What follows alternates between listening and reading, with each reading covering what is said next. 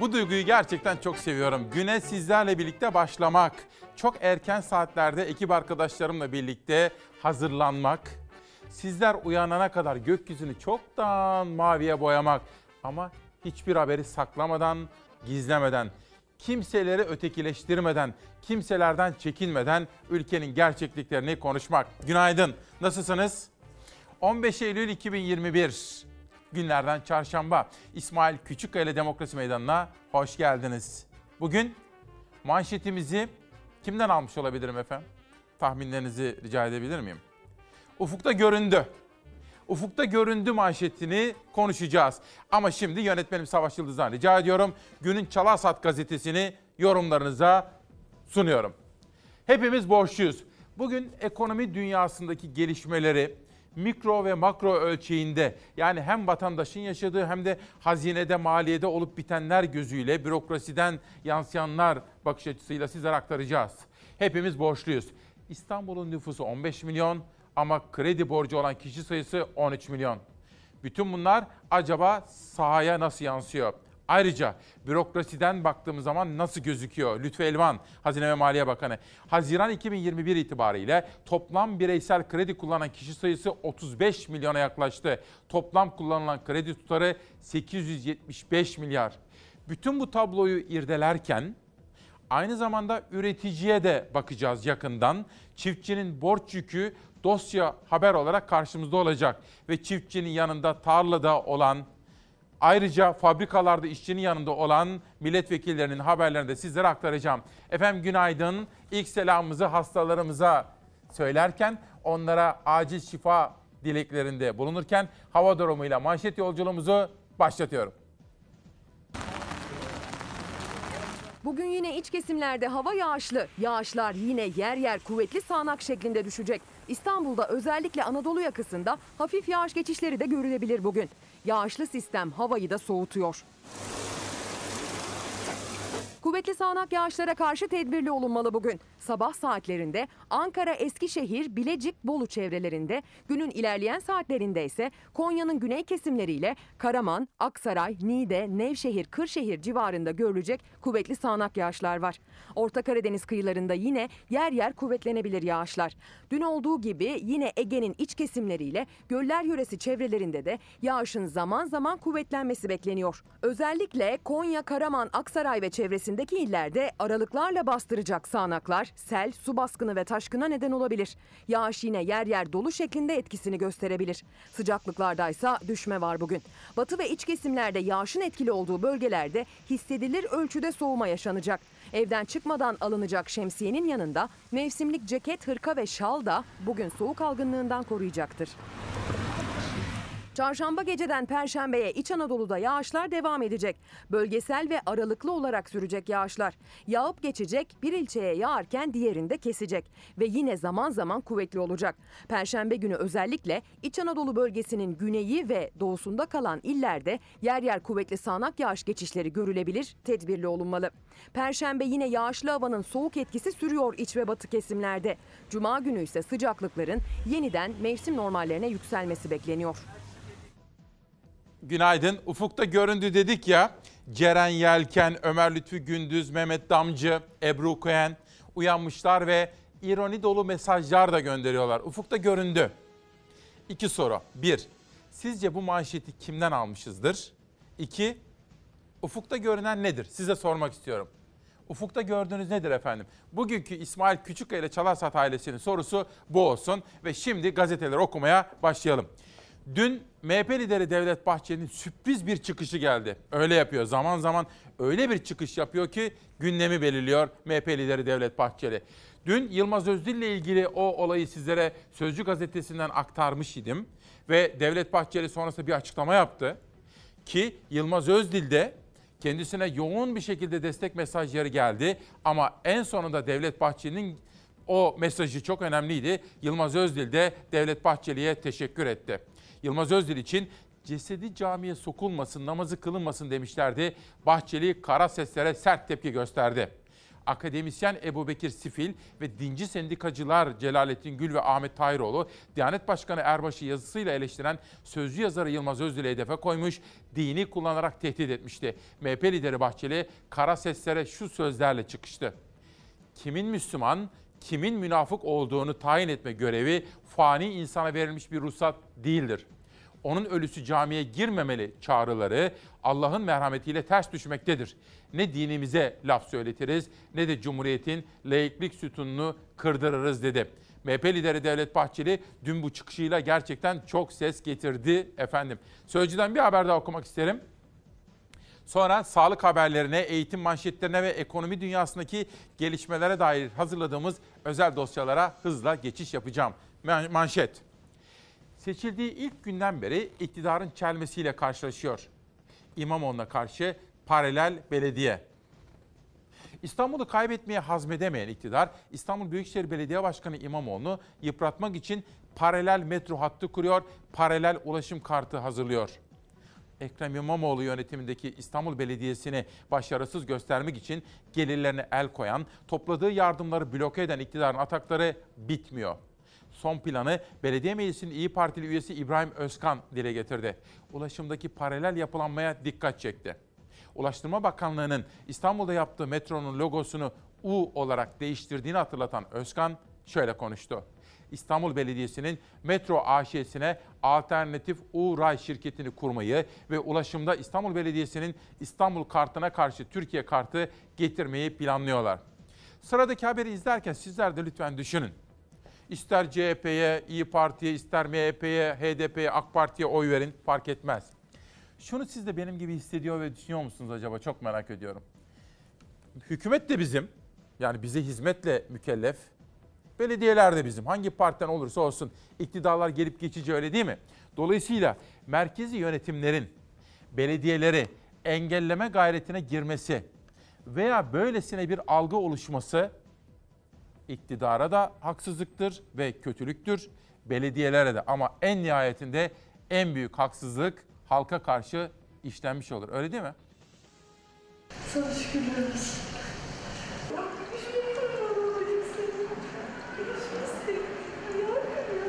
Çok mutluyum gerçekten çok büyük bir hediye bu benim için. Ben günlerdir hep bu anı inanın sadece sandalyeyle bile olsa bu şekilde hayal ettim başka fazlasını hiç istemedim.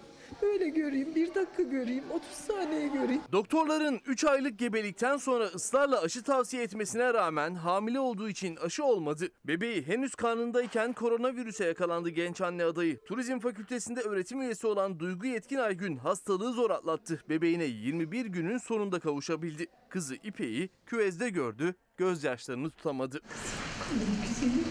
Ölüm sayıları çok yüksek. Hala dü- dünyanın en fazla ölüm e, görülen ülkelerinden biri Türkiye. Kesinlikle alarm edecek bir durumumuz var. Yaklaşık bir aydır her tabloda can kaybı 200'ün üzerinde. Dün bir önceki güne göre 45 kişi daha arttı vefat sayısı. Sadece son 24 saatte 276 hasta daha koronavirüs nedeniyle hayatını kaybetti. Vaka sayısı 25 bin sınırını da aştı. 28 bine doğru seyretti. Türkiye'de biz Ocak ayında başladığımız aşılamayı birkaç ay içinde bitirebilseydik, %70-80'lere ulaşsaydık belki bugün bugünkü bu tabloyu yaşamayacaktık. Biz bu iki doz aşılamayı hala nüfusun ancak işte yarısı kadarına yapabilmiş durumdayız. Bu toplum bağışıklığını sağlamaya yetmiyor. Vaka sayılarının ve buna bağlı olarak da can kayıplarımızın azalması, çift doz aşıların tamamlanma hızına, tedbirlere uyuma bağlı. Türkiye nüfusunun henüz %48'i tam doz aşısını tamamlayabildi. Almanya %61, Fransa %63, İtalya %64, İspanya ise %75'e ulaştı. PCR'dan çok aşıya ısrar etmek, aşıya zorlamak gerekiyordu işçileri. Yani PCR'ın da zaten kim yapacak, nerede yapacak, her hafta bu adam nasıl gidecek, kimden izin alacak bunlar da soru işareti. İstanbul Tabip Odası'na göre iş yerlerinde kapalı ortamda hareketlilik arttı. Aşı olmayanlara PCR zorunluluğuysa genelgeye takıldı. Çünkü Çalışma Bakanlığı'nın genelgesinde işveren tarafından istenebilir ifadesi yer alıyor. Bu yüzden de çoğu işçi aşı olmadığı gibi PCR testi de yaptırmıyor. ölen insanların %90'dan fazlası işçi ve emekçi. En azından sağlık çalışanları ve eğitim çalışanları sektöründe olan herkese hepsinin aşı olması zorunlu. Bununla ilgili bir yasal düzenleme yapılmalıydı. Bunu yapmadılar. Aynı sorun öğretmenler için de geçerli. Aşısız öğretmenlerin haftada iki kez PCR testi yaptıracağı açıklanmıştı. Yani yaklaşık 200 bin aşısını tamamlamayan öğretmenin pazar günü testlerini yapıp pazartesi günü okulda olması gerekiyordu. Ancak test sayısında hala 200 binlik bir artış yok. Test sayılarının artmamasından da anlıyoruz ki testler yapılmıyor. Herkes kaderine, çocuklar kaderine teslim olmuş gibiler. Efendim farkında mıyız? 276 yurttaşımızı kaybettik koronadan. Günde ortalama 250 civarında Türkiye Cumhuriyeti vatandaşı koronadan hayatını kaybediyor. Her gün adeta her gün bir soma. Allah göstermesin. Adeta her gün bir uçak düşüyor. Kanıksadık mı? Yani canım normal bu. Her gün oluyor. Önemli değil mi diyoruz? Hayır. 250-275 arasında her gün can yitiyorsa bu olağanüstü bir dönem demektir efendim. Kazım Karagöz, ufukta görünen nedir? Atatürk'e saldırıların arttığını üzülerek görüyoruz. Ufukta seçim göründü diyor efendim Kazım Karagöz de Twitter'dan yazdığı mesajda. Hürriyet manşeti uçan yumurta. Artan fiyatlar mercek altında. Yumurta fiyatları son dönemlerde tırmanışa geçti. Yumurtanın üretici fiyatı bir yılda 43 kuruştan 80 kuruşa dayandı. Fahiş artışlar takip ediliyor. Şimdi ben tam bu haberi okurken bir ses yükseldi kulağıma. Nereden geliyor biliyorsunuz değil mi? Gayipten değil. Böyle. Şimdi bizim Fatma ablamız var rejide. 33 liradan aldım diyor. Kaç tane aldın? Fatma abla. Bir kolisini 33 liraya aldım diyor efendim. Ya işte çok pahalı yumurta artık çok pahalı. Aslında her şey pahalandı. Bunu görüyoruz.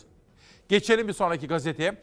Bu sabah da yine demokrasi meydanı ekonomi ağırlıklı, halkın yaşadığı sorunları ön plana alan ama o sorunlara dair çözüm önerilerini de dile getirmeye gayret içerisinde olan bir sabah buluşması hazırladık sizler için. Ve işte pencere. Erdoğan'ın 16 kat büyüyen Türkiye'si bebeklere mama değil şekerli su. Ufukta büyük Türkiye silüeti gören Erdoğan bu yoksulluk tablosunu görmezden geliyor. Derin yoksulluk ağı İstanbul'da 103 yoksul haneyi yakından izledi.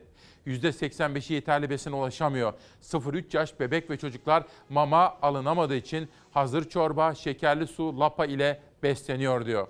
Hemen bu manşetin altında 15 milyonluk İstanbul'un 13 milyonu da borçlu. Bakın ne borcu? Kredi borçlusu.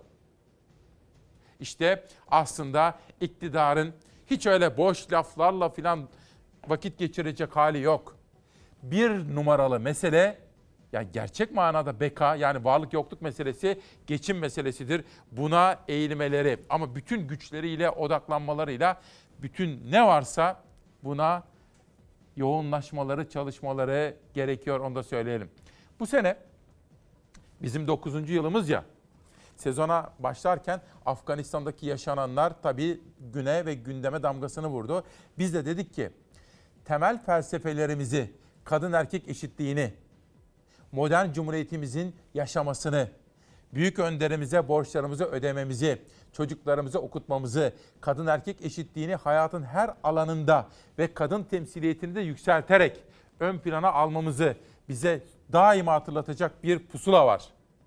Afganistan'daki yaşananlara bakacağız.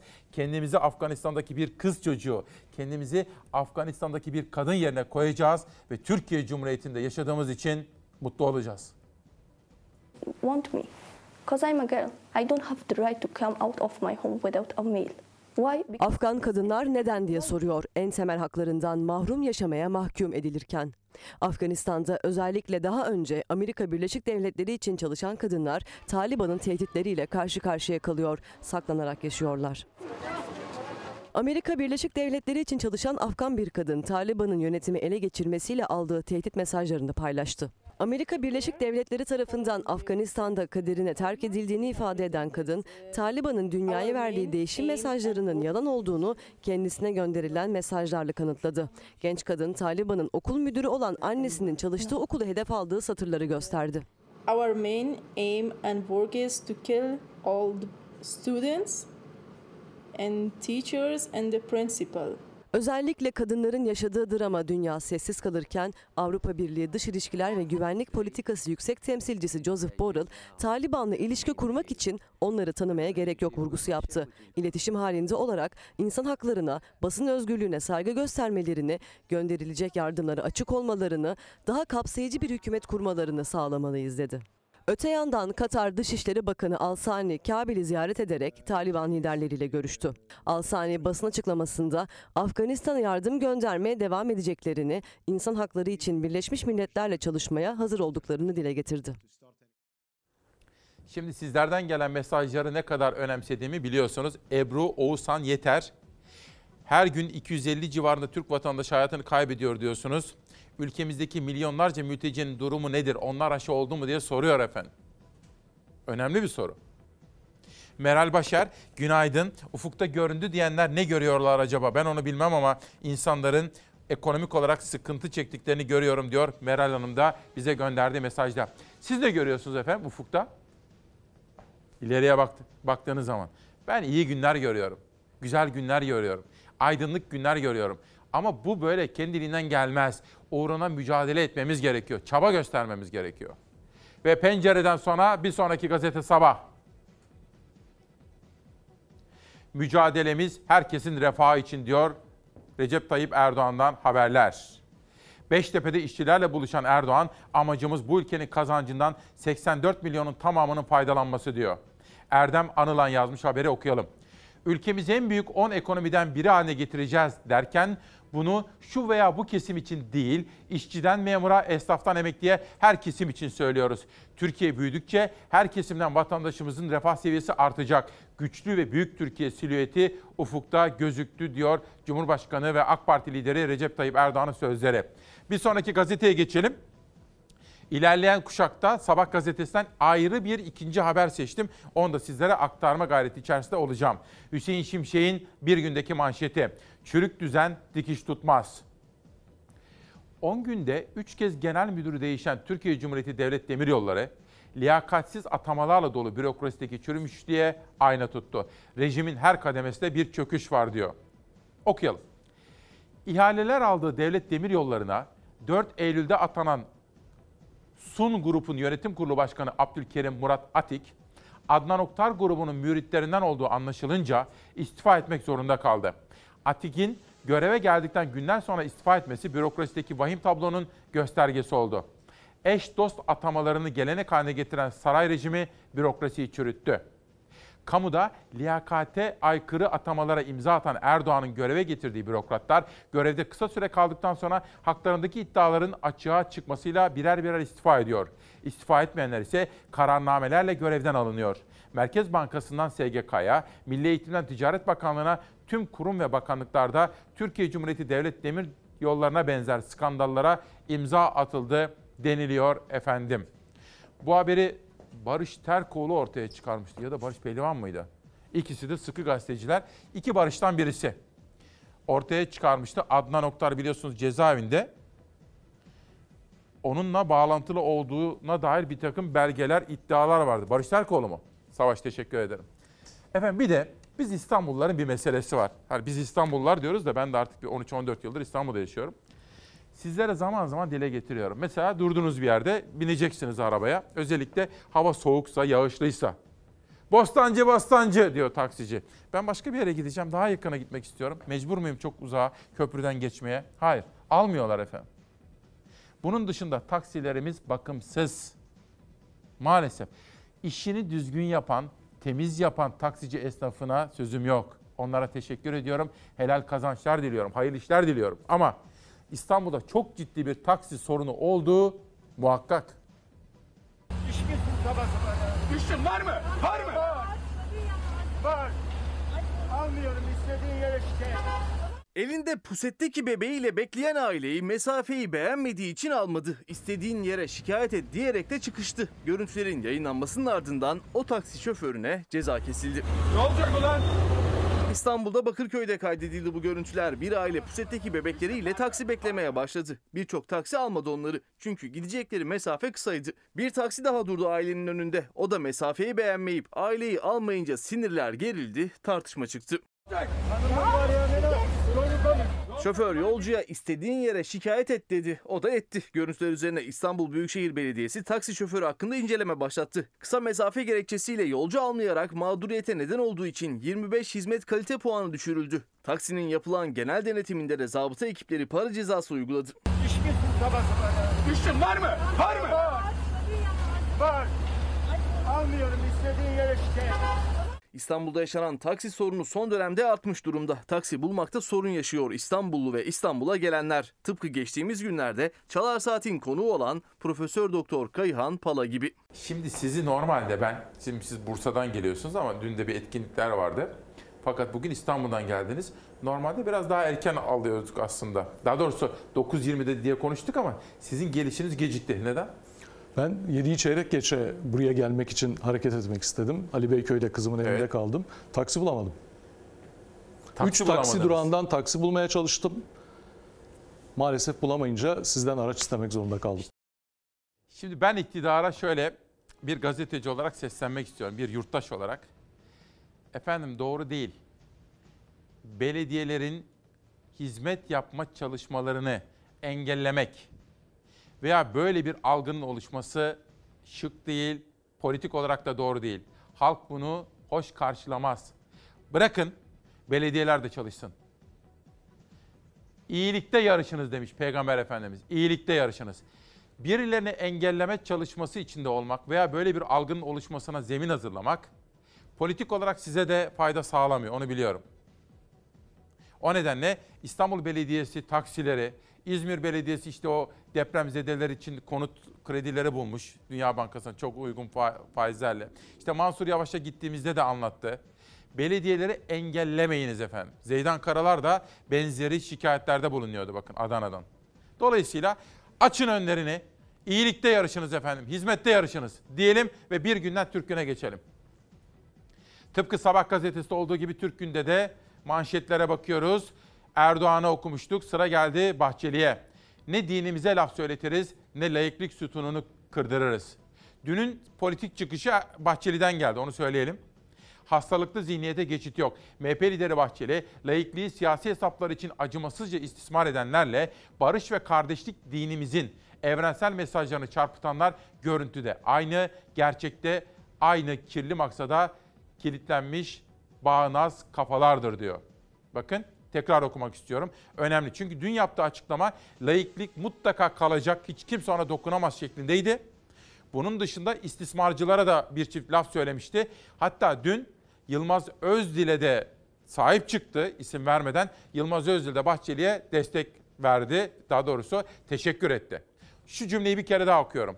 MHP lideri Bahçeli, laikliği siyasi hesaplar için acımasızca istismar edenlerle barış ve kardeşlik dinimizin evrensel mesajlarını çarpıtanlar görüntüde ayrı, gerçekte aynı kirli maksada kilitlenmiş bağnaz kafalardır diyor. Fotoğrafın hemen altına bir bakın.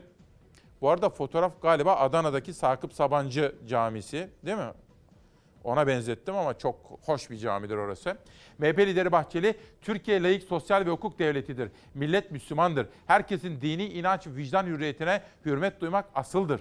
Bilinmelidir ki ne dinimize laf söyletiriz ne de Cumhuriyet'in layıklık sütununu kırdırırız.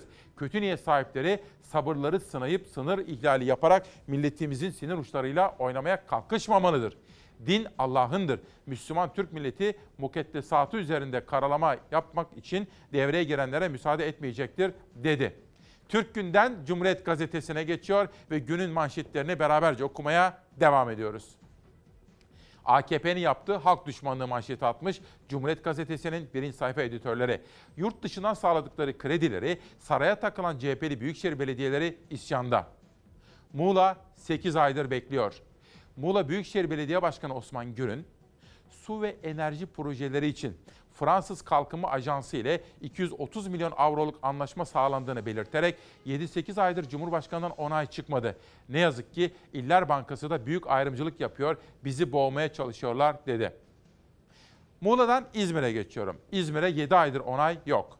İzmir Büyükşehir Belediye Başkanı Tunç Soyer de depremde hasar gören 5800 yapı için Dünya Bankası ile varılan 340 milyon dolarlık kredi mutabakatının 7 aydır onaylanmamasından dertli. Soyer, İzmir'e güvenilmiş, Türkiye'ye güvenilmiş ama tek eksiğimiz hükümetin garantör olması, onay vermesi dedi. Muğla'dan İzmir'e, İzmir'den İstanbul'a geçiyoruz. İstanbul Büyükşehir Belediye Meclisi CHP Grup Başkan Vekili Doğan Subaşı, 300 otobüs alımı ile ilgili 90 milyon avroluk kredinin 9 aydır onay beklediğini ifade ederek dış borç stoğu gerekçesiyle verilmiyor. Ama saray yaptırırken dış borç yok. Bizi güç duruma düşürmek istiyorsanız başka şeyler bulun, vatandaşı mağdur etmeyin dedi. Çok çarpıcı haberler bunlar efendim. Bir genç kadın hayatını kaybetti. Bundan iki yıl kadar önce bir çocuğumuz ve tartışmalar yaşanmıştı. O çocuk neden öldü diye bir kız çocuğu. Sonra adli tıp raporu geldi. O çocuğumuzun ölüm sebebi adli tıp raporuyla ortaya çıktı. Aferin koş koş koş. Çocuğumun ölüm sebebi nara sıkılan ta- kimyasal tarım ilacıdır. Bu adli tıp raporunda kesinleşmiştir. Henüz 4 yaşındaydı Saliha Çakır. Ailesinin iddiasına göre yediği nardaki tarım ilacından zehirlendi. Hayatını kaybetti. İlçe Tarım Müdürlüğü narlar temizdi dedi ama adli tıp raporu son noktayı koydu. Rapora göre küçük Saliha'nın ölümünün sebebi tarım ilacı zehirlenmesi. Raporumuz geldi. Rapor ilçe tarımınkinden çok farklı. Adli tıbbın raporunda kızımın zehirlenmesi, nardaki kimyasal ilaçtan olduğu kesinleşti. Nar örneklerinde pestisitler grubundaki maddeler tespit edilmiş olması ve soruşturma evrakında kayıtlı bilgiler birlikte değerlendirildiğinde çocuğun ölümünün tarım ilacı zehirlenmesi sonucu meydana gelmiş olduğunun kabul gerektiği oy birliğiyle mütalaa olunur. Hepimiz de zehirlendik ailecek. Ama küçük çocuğum işte bünye küçük olduğu için vücut kaldırmadı. Vefat etti çocuk. Sistemik etkili ilaçlarla eğer meyvenin bünyesine işlemişse e, onunla mücadele etme şansınız yok. Onu tükettiğinizde o ilacı bünyenize almış oluyorsunuz. E, bu belirli bir dozu aştığında elbette ki bütün canlılar için zarar oluşturacaktır. Bunun içinde insan da var. Kayseri'de yaşayan Çakır ailesi 2019 yılında Adana'daki tanıdıklarının hediye ettiği narları yedi. Tüm aile benzer belirtilerle hastaneye başvurdu. Ancak 4 yaşındaki Saliha'nın durumu ağırdı. Tüm çabalara rağmen kurtarılamadı. E, İlçe tarımın bize söyledi, raporu kendileri zaten vermediler ama sadece temiz dediler. Hiçbir sıkıntı yok narda dediler. İki yılın sonunda tamamlanan adli tıp raporuysa farklıydı. Rapora göre Saliha'nın ölüm nedeni tarım ilacı zehirlenmesi. Neden bunun tedbiri alınmıyor? Bu ilaçlı narlar neden satılıyor? Türkiye'de tarım ilacı kullanımında denetim eksikliği mevcut. Ne kadar isterseniz o kadar alabilirsiniz. Ee, hiçbir ölçek sınırlaması maalesef yok. İsteyen istediği kadar ilacı alabilir ve istediği kadar kullanabilir. Saliha'nın ailesi de Ziraat Mühendisleri Odası İstanbul Şube Başkanı Murat Kapıkıran da benzer acılar yaşanmasın diye denetimlerin arttırılmasını istedi. Çakır ailesi özellikle mi hedef alındı? Bölgedeki başka ürünlerde de tehlike var mı? Bu sorularsa herhangi bir soruşturma kararı olmadığı için yanıtsız kaldı. Bizim ciğerimiz yandı. Başka salihalar ve ciğerler yanmaması için devletimizi ve yetkilileri göreve davet ediyoruz. Çok acı değil mi efendim? Ne kadar da hazin. Sevgül Dinç, 3 çocuk yetiştirmiş Eskişehir'den bir anne Sevgül Hanım. Bize diyor ki iyi ki varsınız, iyi ki Fox var, iyi ki Çalar Saat var ve siz olduğunuz için Türkiye'nin gerçeklerini öğrenme imkanı buluyoruz. Başkaca televizyon kalmadı diyor. Biz de buradan Eskişehir'e Sevgül Dinç annemize teşekkür ediyoruz efendim. Görevimizi yerine getiriyoruz. Ülkemizi çok sevdiğimizden, mesleğimize aşık olduğumuzdan dolayı, başkaca kimseden korkumuz, çekincemiz olmadığından dolayı Fox ailesi olarak, Çalasat ailesi olarak görevimizi yerine getirme gayreti içinde oluyoruz. Daha fazla bir şey yaptığımız yok. Erdoğan'dan tartışılacak açıklamalar işçinin, emeklinin maaşı katlandı. Geçim sıkıntısına ilişkin eleştirilerin en çok yükseldiği dönemde dikkat çeken açıklamalar yapan Cumhurbaşkanı hem işçi hem emekli maaşlarının kat kat arttığını söyledi milli gelirin Türk lirası olarak yaklaşık 11, asgari ücretinde 16 kat yükseldiğini anlatıp aynı fevkalade yükselişi emekli maaşlarında da görmek mümkün. Öyle ki 27 kat artan emekli maaşları var dedi. Cumhurbaşkanı Erdoğan'ın bu olumlu bakış açısıyla söylemiş olduğu sözler Karar Gazetesi'nin birinci sayfasına yansımış. Soru şu, siyasiler bir şey söyler, iktidarlar pembe tablo çizmek ister. Muhalefet kara bir tablo çizmek ister. Bağımsız ve tarafsız gazeteciler varsa ülkede onlar her iki tarafın açıklamalarını da ortaya koyar. Kendi gözlemlerini, fikirlerini de aktarırlar okuyucusuna veya izleyicisine. Ama en son kertede kararı kim verir? Sahada, atölyede, fabrikada, tarlada çalışanlar veya işsizler verir. Vaat edilen maaş ne? Asgari ücretti, 8 saatti. Belli bir süreden sonra asgari ücrette iyileştirme yapılacağı söylenmişti. 1901 aldım, 1601 aldım. Alabildiğim en yüksek maaşı bu ay aldım. 2147 lira aldım. 3 vardiya olacak diye işe alındık. Asgari ücretle 3 vardiya 2 vardiyaya döndü.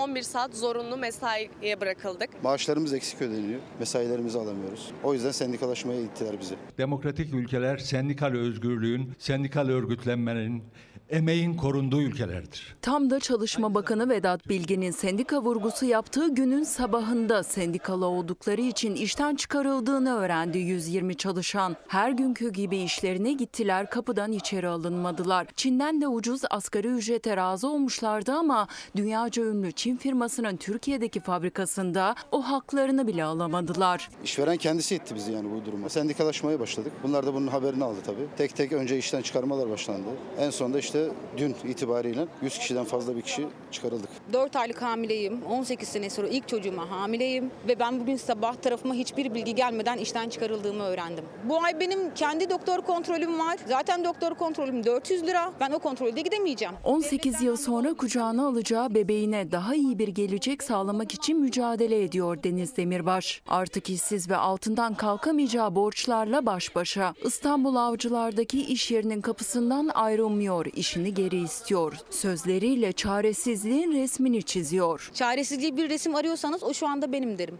Zaten borcun içindeyiz gırtlağa kadar. Daha fazla borcun içine girdik. Benim bu ay evime icra gelecek. Sebep? ödeyemediğimiz krediler. Ben geçen ay 1600 lira maaş aldım. Gecenin 12'sinde mesajlarla ç- işten çıkarıldığımızı duyduk. Aslında vaat edilen ücret sadece asgari ücretti ama o bile zamanında ödenmedi. Zaten asgari ücret olarak da ödenmedi. Çalışanlar bu kez haklarını aramak için sendika çatısı altında bir araya geldiler. Ancak iddiaya göre işveren sendikaya öğrenince bu kez de çalışanları kapının önüne koydu. Ben de bu sabah kapıya geldiğimde işten çıkarıldığımı öğrendim. 5 kişiyiz, 3 kız kardeşiz. En büyükleri de benim. Çalışan tek ben varım şu anda. Ev kira mı? Evet kira. 20 yaşında üniversite öğrencisi Berfin Yasak 5 kişilik ailesinin geçimi, kardeşlerinin eğitimi omuzlarında. Hem okuması hem de okutması için çalışması gerekiyor. Son maaşını da tazminatını da alamadı diğer işçiler gibi. Haklarını alıncaya kadar mücadeleye devam edecek. Kaç yaşındasın? 20. Çok ağır değil mi bu yük? Ağır ama mecburum. Üniversiteye gidebilecek misin? Gideceğim. Okumak istiyorum çünkü. Bekliyoruz. Hakkımızı alana kadar bekliyoruz. Şimdi efendim dün bir etkinlik vardı, daha doğrusu bir duyuru vardı. Bugün Suna Kıraç'ın ölüm yıl dönümü. Müthiş bir cumhuriyet kadınıydı. Çocukların eğitimine çok önem verirdi. Hayattaki en önemli gayesi buydu diyebilirim. Kızı İpek Kıraç da onun adına Suna'nın Kızları projesini başlattı. O projeyle ilgili bilgiler almak üzere gitmiştim. Bir grup meslektaşımla birlikte. Bakın bugün Suna Kıraç'ı da saygıyla anıyoruz. Ben de bu projeyi destekleyeceğim çocuklarımız okusun diye. Orada bir bilgi verildi uzmanlar tarafından. İyi düşünün ama lütfen iyi anlamanızı çok isterim bunu. Ben anlamak için çok üzerinde çalıştım.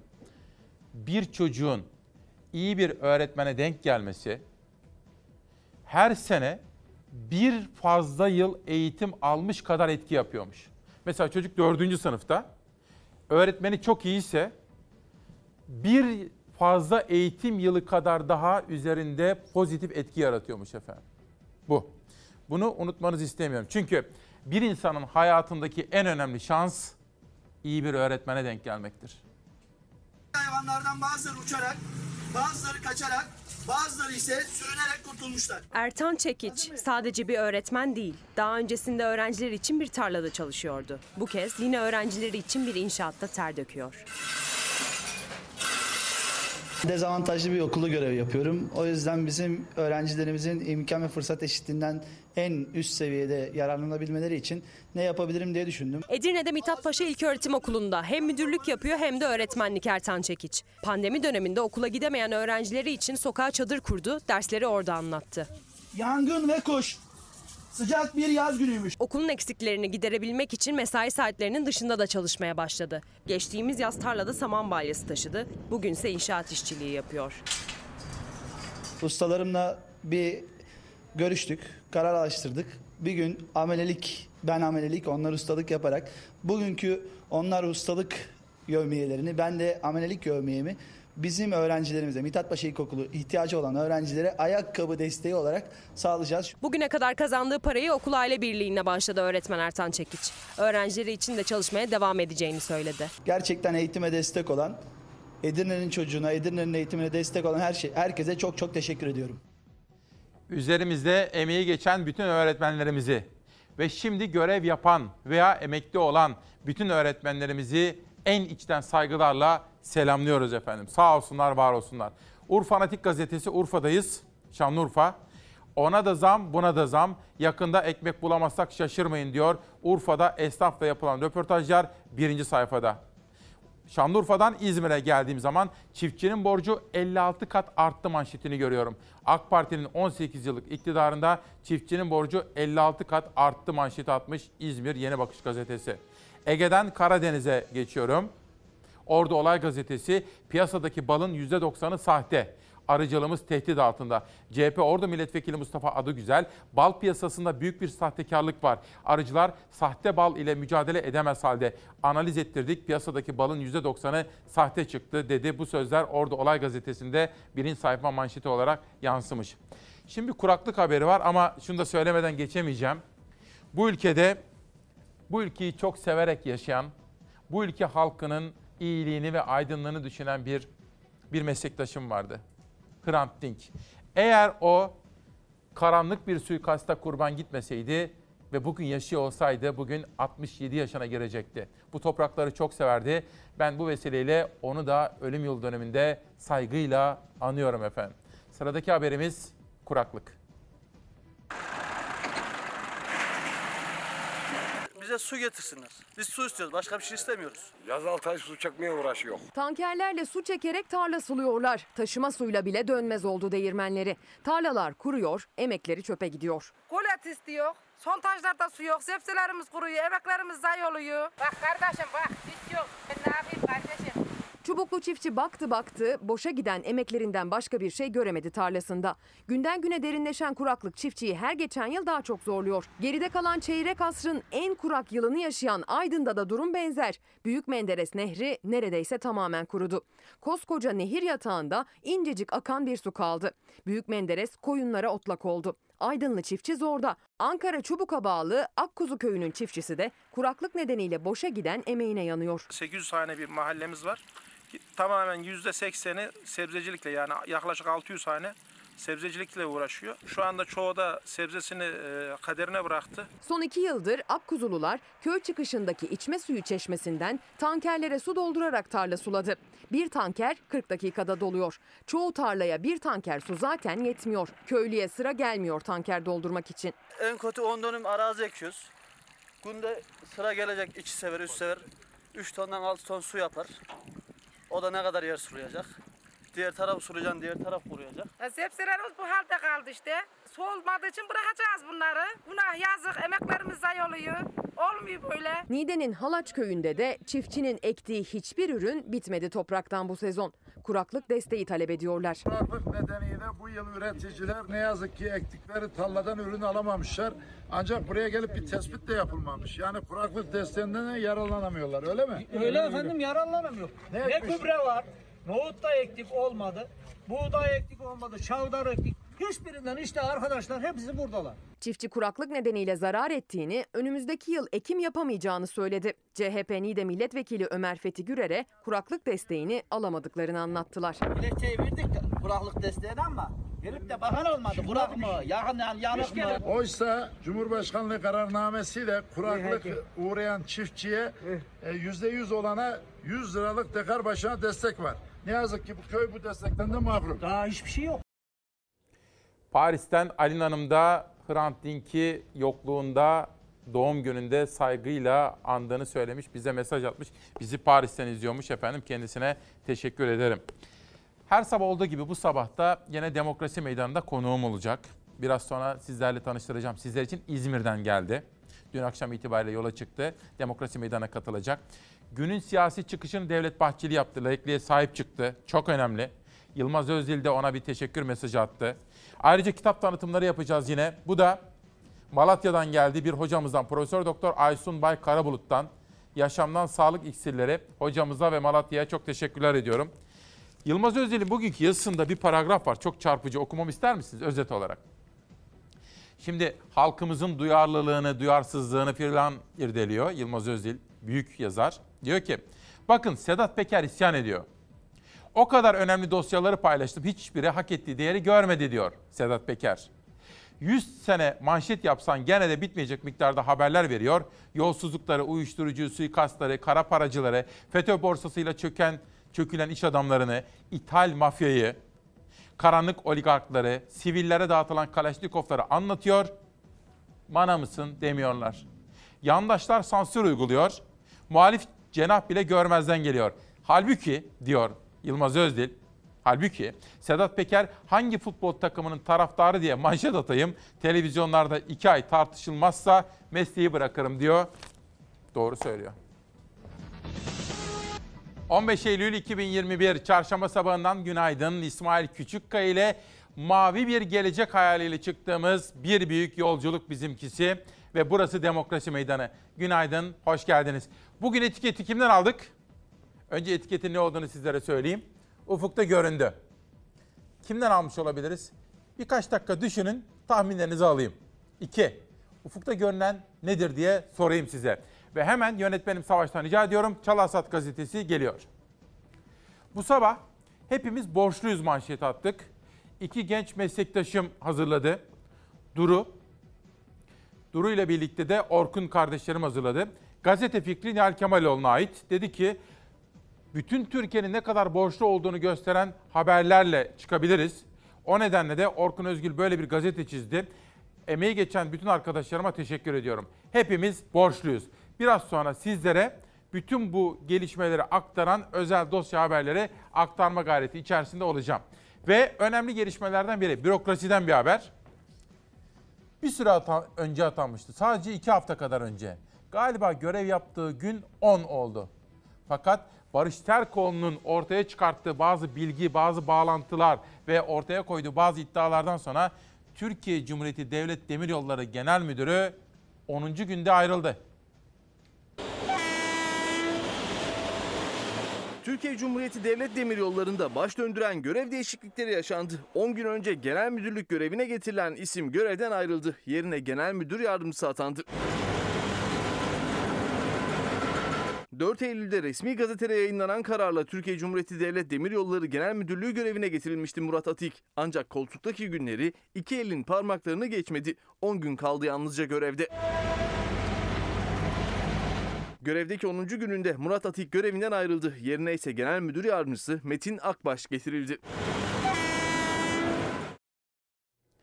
Bürokrasideki bu önemli gelişmeye dair haberi Zafer Söken hazırladı efendim. Gazeteler okumaya devam ediyorum. İkinci turdayız. Can kaybı 200'ün vaka 20 binin altına düşmüyor. Pencere gazetesi işte böyle bir sayfayla çıkmış okulların karşısına. Sağlık Bakanlığı koronavirüsü salgınına ilişkin günlük resmi verileri açıkladı. Buna göre son 24 saatte 24.613 kişinin testi pozitif çıktı. 276 kişi vefat etti. Bir saniye. Efendim ben böyle okuyorum ya. 276 kişi vefat etti. Bunu vakayı adliye yani sıradan bir olay gibi algılamanızı istemem. Sıradan bir olay değil. Düşünsenize Allah göstermesin ama her gün bir uçak düşmüş gibi, her gün büyük bir tren kazası yaşamış gibi, her gün adeta bir Soma cinayeti işlenmiş gibi. 276 yurttaşımızı yitiriyorsak orada durup düşünmemiz gerekmekte. Çok ciddi bir sorunla karşı karşıyayız. ciddiye al. Derin nefes al. Çok nadir gördüğümüz birçok virüs bu sene ciddi bir artış gösteriyor. Bunda tek nedeni artık eskisi kadar maske ve mesafe kurallarına uymamamız. Geçtiğimiz yıl grip mevsiminde grip vakaları oldukça düşük seyretti. Profesör Doktor Mehmet Ceyhan bu yıl grip sezonuna karşı uyardı. Hem grip hem koronavirüs aynı anda vücutta bulunabilir diyen Ceyhan, grip vakalarının artacağı konusunda uyarıda bulundu. Bir insanın boğazında da o sırada çoğalmakta olan e, işte koronavirüs olabilir. Ve dolayısıyla ikisini birden tespit edebilirsiniz. Maske ve mesafe kuralının gevşemesiyle grip vakalarında artış yaşanacağının altını çizen Ceyhan, aynı anda iki virüsün de vücutta bulunabileceğini vurguluyor. Kafalardaki en büyük soru işareti ise hem grip hem koronavirüs bir insanı aynı anda hasta edebilir mi? İki virüs de aynı anda vücutta bulunabilir. Bunlardan bir tanesi hastalık yapabilir. Diğeri de boğazda sadece çoğalabilir ama aynı anda ikisi birden hastalık yapamaz. Buna e, bağışıklık sisteminde interferon dediğimiz maddeler engel olur. Peki hem Covid hem de grip aşısı yaptırmanın bir sakıncası var mı? Ne grip aşısı ne de e, Covid aşısı canlı aşılar değil. Dolayısıyla bunları isterseniz aynı gün, bir gün arayla, üç gün arayla, bir ay arayla istediğiniz aralıkta yaptırabilirsiniz. Hiçbir sakıncası yok.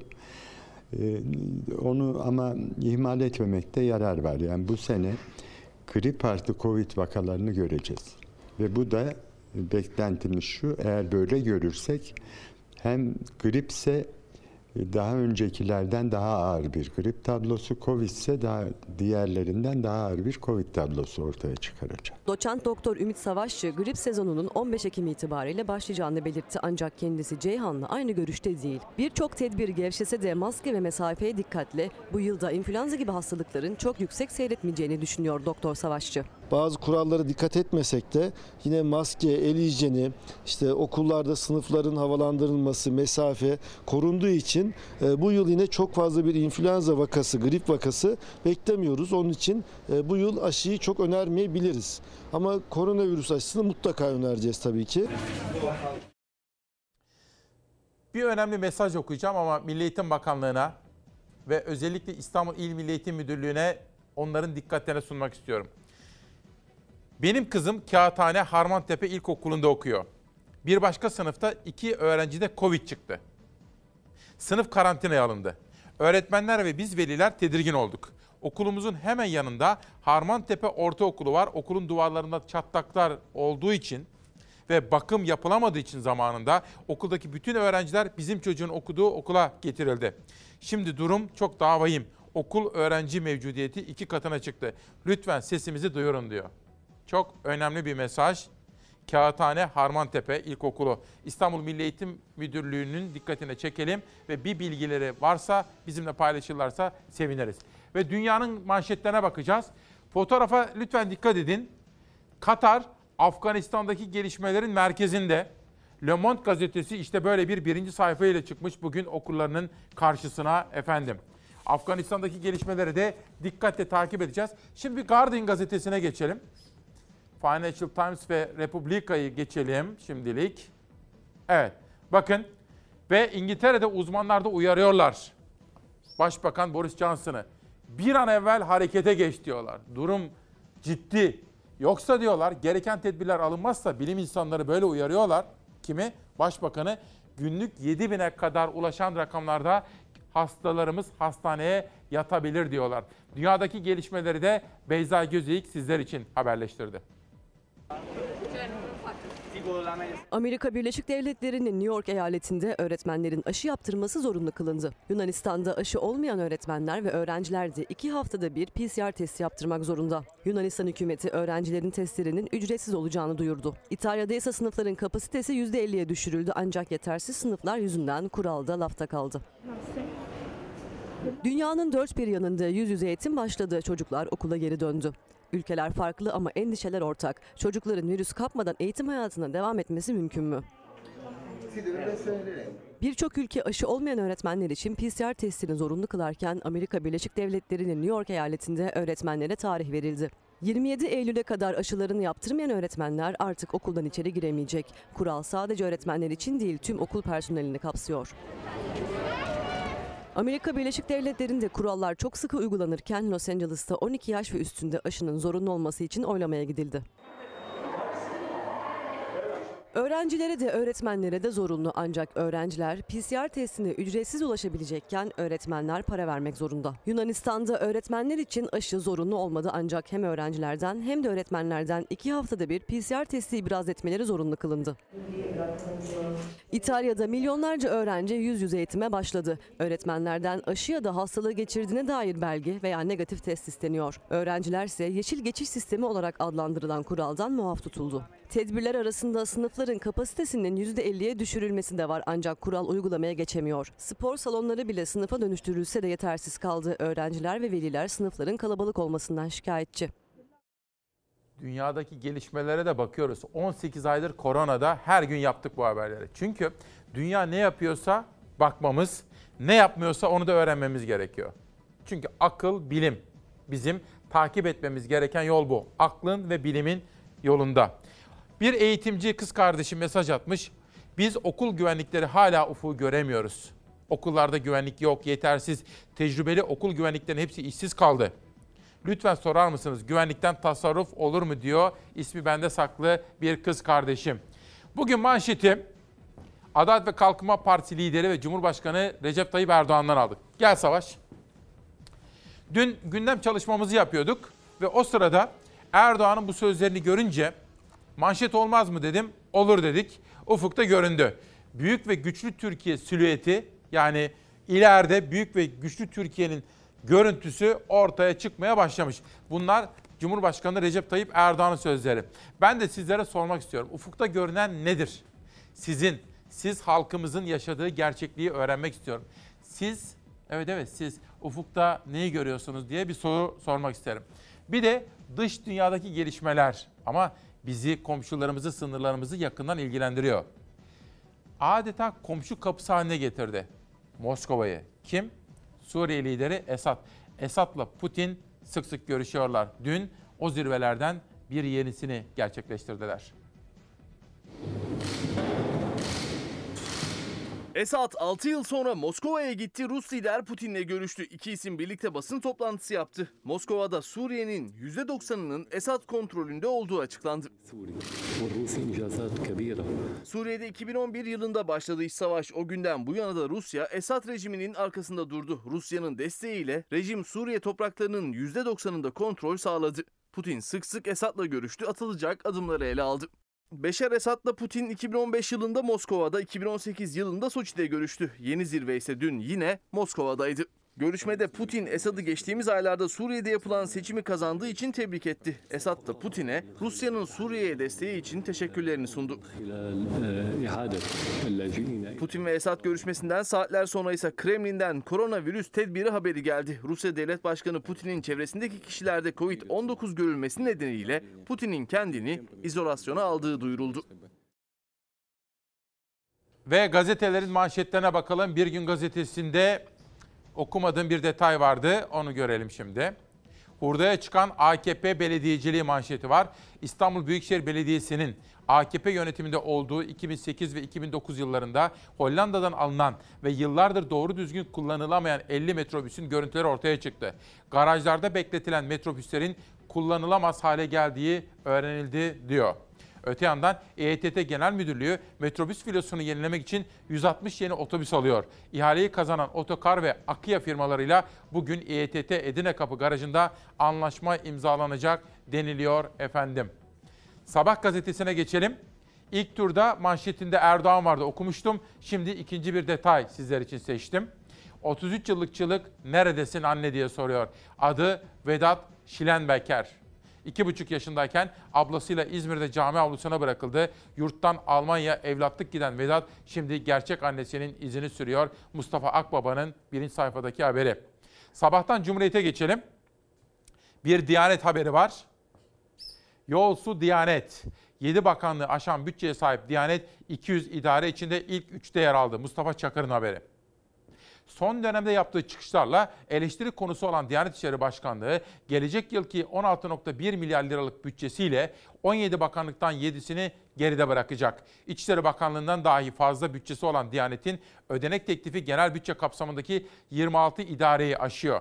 Özel bütçeli 200'e yakın idare içinde ilk üçte yer alan Diyanet, ODTÜ'nün 911.4 milyon, Hacettepe'nin 1.6 milyar ve TÜİK'in 586.8 milyon liralık bütçesini fersah fersah aşıyor. Bu kurumlardan yalnız karayolları ile devlet su işlerinin ödeneği Diyanet'in bütçesini aşabiliyor diyor. Ve ben buradan işçi kardeşlerime bir soru soracağım. Asgari ücretten, memleketin çalışma hayatındaki düzenden memnun musunuz? Rahat geçinebiliyor musunuz? Bir kere işiniz var mı? Önce işiniz var mı? Sonra işinizden elde ettiğiniz gelirle rahat geçinebiliyor musunuz sorularını soracağım sizlere. Onun haberini bula dursun arkadaşlarım. Erdoğan asgari ücret açıklaması vardı. Onun haberini kastediyorum. Bu arada iki kitap tanıtımı yapayım. Annemin Alzheimer'la yolculuğu Ayşegül Hancı. Ve Fethi Yılmaz'dan Katli Vacip, Tarikatların Sır Cinayet Dosyaları isimli kitapları da bu sabah tanıtacağım kitaplardan. Sıradaki haberimiz asgari ücrete dair. Milli gelirimiz Türk lirası olarak yaklaşık 11 kat yükselirken asgari ücretin 16 kata yakın artması bunun en somut örneklerinden biridir. 2002 yılında bir asgari ücretli o günkü maaşıyla 8,6 çeyrek altın alıyordu. Bugün ne kadar alıyor? Bugün sadece 3,5 çeyrek altın alıyor. Yarının altına düşmüş. Sayın Erdoğan bu karşılaştırmalara cevap versin. Bir yanda muhalefetin satın alma gücü düştü, cepteki para pul oldu eleştirileri, diğer yanda Cumhurbaşkanı Erdoğan'ın Türkiye'de Çin'in de gerisine düşen asgari ücreti örnek vererek 16 kat arttı diyerek refah seviyesi yükseldi açıklaması. Hem işçilerimizin hem memurlarımızın toplu sözleşmelerinde oldukça tatminkar artışlar sağladı. Memurlarımızın maaşlarında da en düşük ücretlerde %31'i geçen oranlarda artış yapıldı. Türkiye'de hakim olan bu kötü yönetim yoksulluğu hızla yaygınlaştırdı. Ülkemizin en temel sorunlarının başında işsizlik, hayat pahalılığı geliyor. Çin'de asgari ücret 340 dolara denk gelirken Türkiye'de ise asgari ücret 2825 lira yani 337 dolar. Cumhurbaşkanı asgari ücreti AK Parti iktidarları döneminde 16 kat artırdık dedi ama yıllar içinde Türk lirasındaki değer kaybına enflasyonla eriyen maaşlara değinmedi. Ulaştırmada enflasyon %22, gıdada %29, konutta da %19,3. Buna karşılık 2021 yılında emekliler ve memurlar ne almış? Maaş artışları %16,8 olmuş. Yani enflasyonun çok çok altında bir maaş artışı gerçekleşmiş. 700 bin kamu işçimizin toplu sözleşmelerinde 500 lira zam yaptık. 4 bin liraya kadar olan işçilerimizin ücretlerinde yüzde 34, tüm işçilerimizin ücretlerinde ortalama yüzde 25 artış gerçekleşti. Aylık giyinik ücret tutarı 9 bin lirayı aşmıştır. 200 liralık banknot çıktığı gün 123 dolar değerindeyken bugün 23 dolara düşmüş. Paramız pul olmuş ve bunu halkımız derinlemesine hissediyor. 27 kat artan emekli maaşları vardır. Emeklilerimiz şöyle bir 5-6 aylık maaşını biriktirdiğinde bir Avrupa turu yapıp geliyordu. Bunlar artık bir hayal oldu hayal. Ülkemizi dünyanın en büyük 10 ekonomisinden biri haline getireceğiz derken bunu sadece şu veya bu kesim için değil, işçisinden memuruna, esnafından emeklisine herkes için söylüyoruz. Değerli Cumhurbaşkanım, bir sıkıntımız olduğu zaman, bir talebimiz olduğu zaman ne zaman kapınızı çaldıysak şahsım makul mantıklı her meseleye çözüm buldunuz. Cumhurbaşkanı Erdoğan işçinin, emeklinin maaşlarını artırdık derken muhalefet satın alma gücünün düşüşüne, yüksek enflasyona dikkat çekerken 1 milyon 200 bin işçiyi temsil eden Türk İş Başkanı Ergün Atalay Cumhurbaşkanına teşekkür etti. Hayat pahalılığının nedeni ekonomik tablo değil, aracılar dedi. Fahiş fiyatlarla ilgili bu ülkenin gündeminde son günlerde bazıları 3 liraya 5 liraya satıyorlar, 5 liraya 10 liraya satıyorlar. Günaydın. 15 Eylül 2021 günlerden çarşamba İsmail Küçükkaya ile Demokrasi Meydanı'ndasınız. Türkiye'nin bağımsız ve tarafsız kanalında Fox'tasınız efendim. Çalar Saat ailesi olarak bugün Demokrasi Meydanı'nda İzmir'den bir konuğumuzu ağırlıyorum. Aytun Çıray, İyi Partili bir isim. Meral Akşener'in baş danışmanı. Hoş geldiniz. Hoş bulduk, iyi yayınlar. Sayın Müsteşarım diyeceğim size. Buna memnun olurum. Uzun Çünkü- yıllar birlikteydik. Evet ben sizi siz Sağlık Bakanlığı müsteşarı iken tanıdım. Ben Evet. de o tarihte Sabah gazetesinin sağlık muhabiriydim. Evet. Size sıkça gelirdik. Evet. Sayın Müsteşarım. Evet. Sonra siz siyasete girdiniz. Siz merkez sahibi bir isimsiniz. Merkez merkez sağ diyelim. Değil mi? Öyle tarif edebilirsin. Şimdi İyi Parti'de Meral Akşener'in baş danışmanlığını Evet. yapıyorsunuz. Aslında Kılıçdaroğlu'na da yakınsınız. Merkez sağdaki diğer isimlere de yakınsınız. Çok ilginç bir politik kimliğiniz var aslında Yani sizin. ideolojik bir kimliğim yok. Çağın gereklerine uygun bir kimlik oluşturmaya çalışıyoruz. Çok güzel. Partimiz gibi. Harika. Evet. Sizinle biraz böyle sohbet etmek istiyorum. İzmir'den değerli izleyenlerim ben kendisini davet ettiğimde İzmir'deydi. Sizin için gelirim dedi. Organize etti kendisini. Sağ olsun dün akşam itibariyle geldi ve bu sabah sizinle birlikte buluştu. İlk Sayın Müsteşarım bir şey soracağım. Ufukta göründü. Evet. Biz bu etiketi Sayın Erdoğan'dan aldık. Evet. Erdoğan tabii iktidar ve o pembe bir tablo çizmek istiyor. Siz de muhalefetsiniz. Biz bağımsız gazeteciyiz. Ufukta göründü diyor Erdoğan bakın. Evet. Büyük ve güçlü Türkiye sureti ufukta göründü. Siz de deneyimli bir bürokrat ve aynı zamanda artık deneyimli bir siyasetçisiniz. Gelir gelmez size şöyle sorsam. Ufukta göründü tweet'i atsanız. Ufukta görünen nedir? Ufukta görünen Millet e, İttifakı'nın iktidarıdır. Herhalde Tayyip Bey onu gördü ufukta. Öyle anlaşılıyor. Çünkü 20 sene Türkiye'yi yönetip de ufukta yeni bir şeyler görmeye çalışmak herhalde o 20 senenin yabana gittiğinin bir nevi ikrarı olur. Dolayısıyla muhtemelen ufukta onu görüyor. Yeni bir iktidar ve o iktidarı da seçimlerde demokratik bir şekilde devretmek siyaset şey yönetimi. Peki. Başka bir şey olmaz. Ben bunu söylerdim yani haber olarak. Enteresan. Evet. Güzel tweet oldu. Teşekkür Evet, ediyorum. Ben Sağ olun. teşekkür ediyorum. Yani sizin adınıza güzel oldu. Bakalım izleyenlerimden AK Partililerden, CHP'lilerden, İyi Partililerden mesajlar gelirse her birini de okuma gayreti içerisinde olacağım. Evet. Halkımız nasıl düşünüyor onu da Tabii, merak ediyorum. tabii. Gazeteleri okuyalım beraber. Memnuniyetle. Gel Savaş, Sözcü'yle başlayalım. Ufukta göründü. Şimdi dün Sayın Müsteşarım Devlet Bahçeli bir çıkış yaptı. Ben bugün 8'de günaydın dedikten sonra bunun önemli olduğunun altını Evet. çizme gayreti içerisindeyim. Çünkü Yılmaz Özdil de teşekkür etti. Hem bir taraftan laiklikle ilgili açıklama yaptı. Bir taraftan istismara karşı bir açıklama yaptı Bahçeli. Okuyalım mı? Tabii lütfen. Yılmaz Özdil için cesedi camiye sokulmasın, namazı kılınmasın demişlerdi. Bahçeli kara seslere sert tepki gösterdi. Yılmaz Özdil'e de destek yağdı. Bahçeli'nin Yılmaz Özdil ile ilgili o sözleri adını kullanmamış bile olsa ve Yılmaz Özdil de akşam saatlerinde pek çok muhalefet sütre gerisinde çekilirken dedi Bahçeli'nin bu tutumuna teşekkür borçluyum dedi. Genel itibariyle Diyanet Evet. ve Diyanet'in siyasete müdahale ettiği şeklindeki iddialar. Evet. Önce Diyanet İşleri Başkanı neden bu denli piyasaya sürüldü? Bundan amaç ne? Bütün bunları Diyanet İşleri Başkanı konuşurken Cumhurbaşkanı'ndan habersiz mi yapıyor konusuna bakmamız lazım. E, Bugün içinden geçtiğimiz ekonomik durum çok kötü. E, 20 yıllık siyasi iktidarın bütün e, sırları döküldü ve Türk milletinin karşısında şu anda hızla itibarını kaybediyor. Hakikaten o kadar hızlı itibarını kaybediyor ki dindar vatandaşlarımız da e, gördüler ki kul hakkı yeme konusunda da büyük problem var. Dolayısıyla uzun yıllar destek veren dindar e, insanlarımız, Müslümanlar da iktidarı terk etmeye başladı.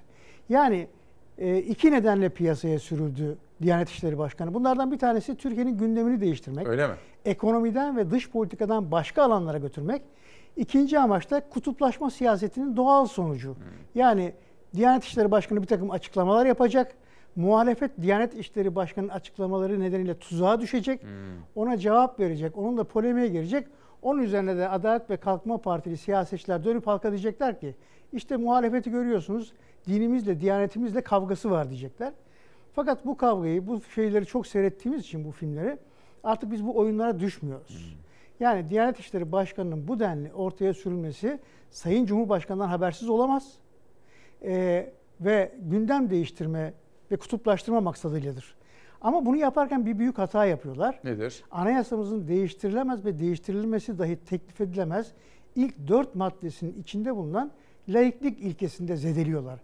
Yani şu anda devletin bir memuru olan Diyanet İşleri Başkanı anayasanın e, laiklik ilkesini değiştirilemez maddesini ihlal ederek bir anayasa suçu işliyor ki e, eğer Türkiye'de hukuk bir gün hakim olduğunda tabii bu işin hesabını hukuk önünde de vermiş olacak. Yani buradan elde ettikleri maksadı bulamayınca bir üst level'a atlandı, bir üst kademeye geçildi. İşte o Adalet ve Kalkınma Partili eski milletvekilinin verdiği beyan anayasamızdan laiklik kalkmalı diye. Bu demokratik hakkıdır. Her insan kendi fikirlerini, e, düşüncelerini teröre başvurmadan ifade edebilir.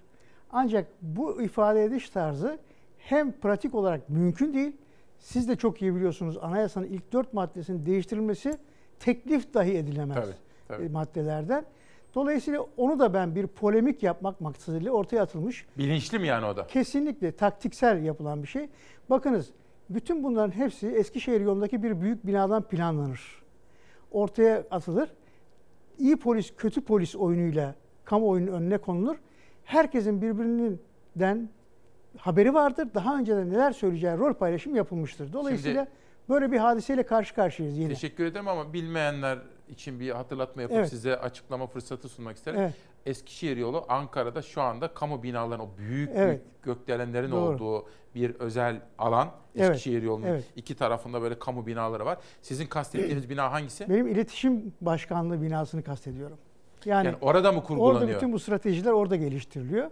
Dediğim gibi asıl amaç Türkiye'nin gerçek gündeminden başka yere götürmek. Ne oldu? Bakın daha bir süre önce e, ormanlarımız yandı.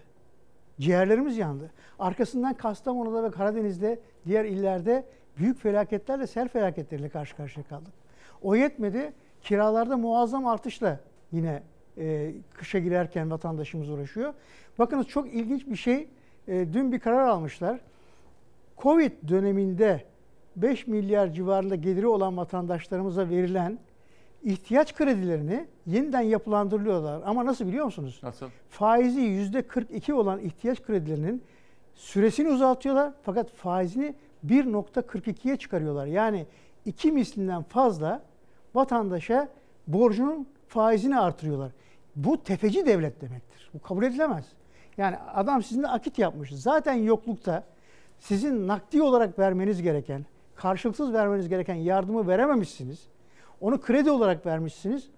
O da yetmemiş. Şimdi onu ödeyemeyen vatandaşlar için faizcilik yapmaya kalkıyor. Dün dün memleketimden Simav'dan benim bir abim aradı Mehmet Evet. Çakın. Kızı üniversiteyi bitirdi. İzmir'de yaşıyor. Evet. İşte iş arıyor. Acaba ne yapılabilir falan diye konuşuyorduk da kızımızın telefonunu aldım. Onunla da konuştum. Nerede okudun, ne yaptın diye.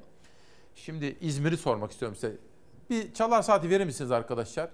Şimdi benim gördüğüm tabloda, tabii Hı bir hı. gazeteci olarak Sayın Müsteşarım, hepimiz borçluyuz. Bakın İstanbul'un nüfusu 15 milyon. Bunlar da Sezgin Tanrıkulu'nun soru önergesinden sonra ortaya çıkan Evet. rakamlar. Hazine ve Maliye Bakanı Lütfü Elvan'ın açıklamaları var. Çiftçilerle ilgili yapılan araştırmalarda ortaya çıkan çiftçimizin borçlu olduğu durumu var. İzmir'de ne görüyorsunuz Sayın Müsteşarım? Yani İzmir'de çünkü siz şimdi Meral Akşener'in e, kurmayısınız ama aynı zamanda hep İzmir'de de yaşıyorsunuz. Evet, işte zaman tabii. zaman Uğur Dündar Evet. abimizin yaptığı röportajlarda da görüşlerinizi Evet, okuma fırsatı evet. buluyorum. Burada da izleyicilerimize aktarıyorum. Evet. İzmir'de sahada özellikle ekonomi, esnaf, işsizlik ne görüyorsunuz? Türkiye'de neyse İzmir'de durum ondan farklı değil. Ki düşünün İzmir Türkiye'nin ortalama e, milli geliri diğer illerinden daha yüksek olan bir il. Buna rağmen e, vatandaş en önemli problemlerinden birisi İzmir'in bize gelen milletvekili olarak gelen taleplerden biliyorum işsizlik her yerde olduğu gibi muazzam bir işsizlikle karşı karşıyayız ve e, devletten umudunu kesmişler. Bu işsizliği belediyelerin karşılamasını talep ediyorlar. Tabii belediyelerin o kadar büyük kadroların olması da imkansız. Karşılamaları da imkansız. Dolayısıyla özellikle çiftçi kesiminde büyük bir çöküş var. Ee, hem kredi borçlarını ödeyemiyorlar. Bakın size bir örnek vereyim. Özellikle bizim orada aynı zamanda zeytin vardır biliyorsunuz. Ee, o zeytincilikte kaç yıldır zeytinlerin tane fiyatlarında değişiklik yok. 3,5 liraya 5,5 liraya satılıyor. Ancak zeytini üretmek için kullanılan ilaçlarda %65 ile %260 arasında zam var. Ve mazota yapılan zamları düşünün. Girdilere yapılan zamları düşünün. Ve hala çiftçinin, zeytincinin aynı fiyata zeytini sattığını görüyoruz. Buna mukabil e, marketlere gittiğinizde 3,5-5,5 liraya alınan zeytinler ki biliyorsunuz zeytini e, mamul hale getirmekte çok büyük masraf yoktur. Su ve tuzla yaparsınız ama 3,5-5,5 liraya üreticinin elinden alınan zeytin marketlerde 35 ila 70 lira arasında satılıyor kilosu. Yani öyle bir ekonomik sistem kurdular ki ne üretici memnun ne de sonunda bunu satın alanlar e, ucuza satın alabiliyorlar. İşte dün, Bütün bunları hep birlikte yaşıyoruz. Dün Gemlik'te Mahmut Solak Subaşı aradı. Dedi Evet. ki o kadar önemli ki dedi birkaç küçük hamle yapabilsek tarım politikalarında üretim aslında özellikle zeytinde muazzam işler yapabiliriz diyor. Ama aslında tarım benim gördüğüm kadarıyla çok ön plana alınamıyor maalesef. Biz yıllardır bunu burada yayınlarda dile getirmeye Tabii. çalışıyoruz. Siz hakikaten çok dile getirdiniz. Bakın biraz önce söylediğimi de Çalar Saat manşetlerinde görmüş kredilerde yapılandırma geldi. 36 aya çıkıyor faiz. Sizin söylediğiniz bu değil mi efendim? Evet evet. Şu. Evet evet doğru. Bunu bir daha Yani- özetler misiniz efendim? Bak kredilere yapılandırma geldi. Vade Evet. 36 aya çıkıyor. Faiz %0.49'dan 1.42'ye Evet. yükseliyor. Vatandaşa ödeyemez hale gelmiş, kredi vermişler. Ne için veriyorlar? Bu ihtiyaç kredisini Covid nedeniyle veriyorlar. Esasen batılı ülkelerde böyle bir kredi vermediler. Vatandaşına nakdi yardım yaptılar. Şimdi hem kredi veriyorsunuz, hem vatandaş işsizlik ve çeşitli ekonomik sorunlar nedeniyle bunları hala ödeyemeyecek durumda. Sonra gelin yapılandıralım dediğinde aynı faizle yapılandırmak yerine faizi 0.49'dan 1.42'ye yani 3 misline yakın çıkarıp tefecilik yapmaya kalkıyorsunuz vatandaşınıza karşı. Ee, ve e, özellikle çiftçilerde bakın, bakın dışarıdan fiyatları düşürebilmek için hem et hem başka ürünlerde it- it- ithalat yapıyorlar. Hatta bazen gümrükleri sıfıra indiriyorlar. Ya kardeşim yabancı insan ülkelerin çiftçilerini destekleyeceğinize en baştan kendi ülkenizin çiftçinizi destekleseniz de Türkiye'de bu kadar verimli topraklar ve bu kadar geniş araziler varken bunları Türkiye'de biz üretsek ve bizim çiftçimiz zengin olsa kötü mü olur? Ya. Yani bütün bunlar tabii e, her anlamda Türk ekonomisini negatif etkileyen konular. Şimdi bakın 9.21'de bir mesaj atmış bana Ali Kulat. Tanır Evet. mısınız? Yabancı- Araştırmacı. Evet, evet. Araştırmacı. Ha, evet, evet. Mehmet Ali Kulat'ı Ben diyorsunuz, okurum araştırmalı. Evet evet. Tamam, tamam. Evet, Şimdi tamam. diyor ki İsmail Bey ilgili izliyorum ama tamamen tesadüf. Bugün de İzmir'deyim. Nereden? Bana fotoğraf da göndermiş. Evet. Firmamız bölgede araştırmalar yapıyor. Vekil performanslarını araştırıyoruz diyor. MAK danışmanlık olarak şu anda sahada ekiplerimiz çalışıyor. Şunu söyleyeyim. Aytun Çıray İzmir'de, Özgür Özel Manisa'da bölgede karşılığı en olumlu çıkan iki vekil. Çünkü sürekli halkın içindeler. Bu önemli bir şey. E, halkın takdiri bizi gururlandırır her zaman. İşte biz de gazetede bunu yapmaya çalışıyoruz. Bakın Fox'un muhabirleri, Sayın Müsteşarım, bizim bütün muhabirlerimiz Ankara'dan, İstanbul'dan sahadalar, tarlaya gidiyorlar, bahçelere gidiyorlar, fabrikalara, atölyelere, iş kurun önüne gidiyorlar. Yani aslında iktidarın da bunu yapması gerekiyor bence. Bir şey soracağım size. Uzun yıllardır tanışıklığımıza da binaen. Ne oldu? Yani Adalet ve Kalkınma Partisi'ne ne oldu da biraz böyle e, tökezlemeye başladı? Ekonomi iyi gidiyordu. Ne oldu da böyle durduk ya da geriye gidiyoruz? E, üretime dayanmayan, sadece borçlanmaya dayanan ve borçlanmayla alınıp bunu e, üretime dönecek şekilde kullanmayan bir siyasi ekonomi yönetiminin sonuçlarına geldik artık. Yani adeta e, deniz bitti derler ya deniz bitti. Dolayısıyla bunlar uzun yıllardır beklenen sonuçlardı. Bakınız İsmail Bey, bu iktidar on- e, 10. 5 yıllık kalkınma planını yaptı. Orada hedefler koydu. 10. 5 yıllık kalkınma planına göre bu iktidarın hedefi 5 yıl içerisinde Türkiye'yi ya da 1923 hedefleri şey 2023 hedeflerine göre Türkiye'yi toplam gayri safi milli hasılasını 2 trilyon dolara çıkarmayı hedefliyordu. Kişi başına milli geliri 25 bin dolara çıkarmayı hedefliyordu. Ve 500 milyar dolarlık ihra- ihracat hedefliyordu. Şimdi yeni e, bir 5 yıllık kalkınma planı yaptılar. Yeni hedefleri yarı yarıya revize ettiler.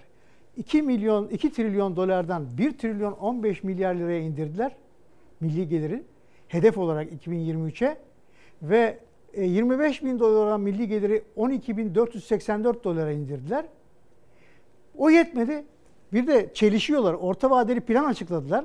Orta vadeli planda bunu bir daha revize etmişler. 1 milyon doları, 1 trilyon doları 925 milyar dolara indirmişler ve kişi başına geliri de 10 bin dolar civarına indirmişler. Ama bugün gerçekte Türkiye'nin milli geliri 2007'nin gerisine düştü. Ortalama 8 bin dolar civarında. Bu fakirleşme demek. Fakirleşme, Fakirleşme mi? demek. Şimdi ben size şunu da sormak istiyorum bu sohbetimiz içerisinde. Durum tespiti yapmak önemli. Net olarak. Çünkü Türkiye'de yapılmıyor bu aslında. Pek Tabii. başka gazetelerde, televizyonlarda. İşte Birkaç televizyon, birkaç gazete bunu yapıyor.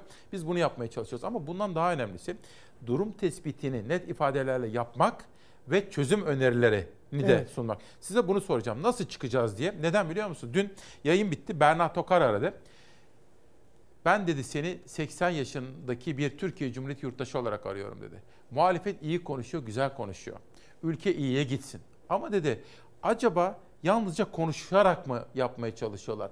Köy köy, mahalle mahalle dolaşıyorlar mı diye Evet. bir soru sordu Berna Tokar. Ben de onu size de sormak istiyorum ama önce bir tartışma var efendim. Tabii. Erdoğan Bayraktar uzun yıllar süren suskunluğunu bozdu ve siyaset kulislerini dalgalandırdı.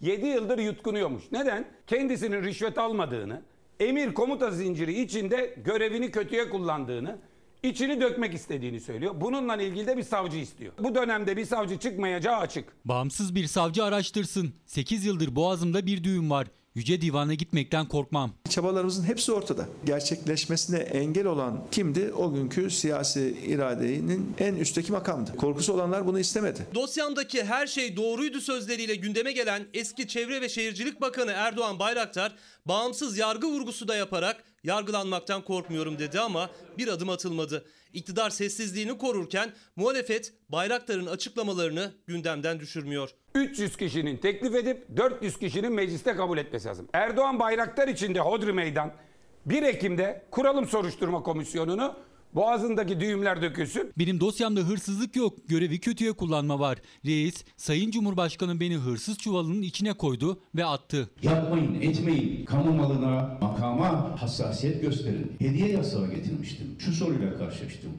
Siz hiç hediye almadınız mı? Yani ben rüşvet almadım, para almadım. Aynı kefede bir insan değilim. Ne içersem içeyim bunu yutamıyorum. Sindiremiyorum içime. Eski Bakan Erdoğan Bayraktar ben rüşvet yemedim. Diğer 3 bakanla aynı suçlamayla anılmayı içime sindiremiyorum diyerek tartışmayı bir adım daha ileri taşıdı. Savcılar araştırsın dedi. Hakkımdaki tapeler doğruydu. Konuşmak istiyorum. Cesur, adil bir savcı aranıyor. Bu savcı Türkiye'de bulunamıyor ama Abdülhamit Gül orada oturuyor. Yargı bağımsızlığından dem vuruyor. Bu sorunun hükümete sorulması lazım. Niye sessizsiniz diye. Bazı soruların sorulması engelleniyor biliyorsunuz. Mesela sizin bana sorduğunuz bir bu soruyu Cumhurbaşkanlığı'nın yaptığı bir basın toplantısında sormak çok kolay değil. Muhalefet Erdoğan Bayraktar'ın açıklamalarına Cumhurbaşkanlığının da AK Parti'nin de sessiz kalmasını eleştiriyor. Hatta bu konuda soru sorulmasına dahi izin verilmemesine tepkili. Yanıtlayamayacağımız soru yok. Yok tabii soruyu soracak muhabir içeride değil. Madem o kadar yiğitsin sorulamayan soru Erdoğan Bayraktar'ın açıklamalarına ne diyorsunuz? Çok yiğitsen bu soruyu cevapla. Bu da siyaset kulislerinde çokça konuşulan önemli bir tartışma konusuydu. Her ne kadar iktidar bu konuda sessizlik politikasını sürdürse de. Meral Akşener'in yakın kurmaylarından baş danışmanı Aytun Çıra'ya soralım. Erdoğan Bayraktar o zamanlarda da bir konuştu fakat Evet. sustu sustu. Belli ki haksızlığa uğradığını düşünüyor. Evet. Bu tartışmaları nasıl değerlendiriyorsunuz? Ee, en önemli tarafı şu. Ee, Erdoğan Bayraktar bu sözleriyle 17-25 Aralık darbe tabanlı yolsuzluk sorusu konusunun doğruluğunu ikrar etmiş oldu. Ee, yani dedi ki e, benim dosyamdaki her şey doğru demekle daha doğrusu yepyeni bir sayfa açtı. Bizim söyleyip de bazı vatandaşlarımızla inandırmakta güçlük çektiğimizi inanılır, güvenilir hale getirdi. Şimdi bu konuda ben tabii savcıların henüz bir harekete geçmesini beklemiyorum. Bunu da bu aşamada imkansız görüyorum. Yani bu siyasi iktidar değişmeden Türkiye'de yeniden anayasal bir hukuk devleti inşa edilmeden savcıların bir yeşil ışık akmadan, e, almadan hiçbir konuda harekete geçmeleri mümkün değil. Bakınız e, Türkiye'nin hakikaten saygın siyasetçilerinden Cemil Çiçek beyefendi e, Sedat Peker'in açıklamaları üzerine bunların binde biri doğruysa bir felakettir demişti. Ve bunların önemli bir kısmının doğruluğu da ortaya çıktı. Fakat gördüğünüz gibi hiçbir savcı henüz harekete geçmedi. Geçemez de. Çünkü yeni rejimde mutlak güçler birliği var ve bütün güçler bir tek kişinin elinde. Sayın Erdoğan elinde toplandı. Yani Sayın Erdoğan savcılara yeşil ışık yakmadığı sürece hiçbir savcı hiçbir konuda soruşturma başlatamaz. Ee, şimdi bu hu- hukuksuzluk aynı zamanda işte ekonomiyi de etkileyen konulardan bir tanesi. Dolayısıyla yalnız burada bir başka noktaya dikkat çekmek Nedir? istiyorum İsmail Nedir? Bey. O zamanlar bu tartışmalar yapılırken Ben de mecliste konuşmacıydım bir bakan hakkında, egemen bağış hakkında. Orada şunu söylemiştim. Bu yolsuzlukların ortaya çıkması Türkiye için bir sürpriz olmamalı. Çünkü bir takım genç çocuklar gemiler sahibi oldular. Bunların parasının nereden geldiğini umuyordu herkes. Yani burada Türkiye'deki en akıllı 3-5 genç bunlar mıydı? Birdenbire sıfırdan gemi sahibi olacak kadar. Asıl burada dikkat etmemiz gereken şey şuydu Türkiye'nin gözünden kaçan. Sayın Başbakan o zaman Erdoğan da dedi ki beni dinlemişler.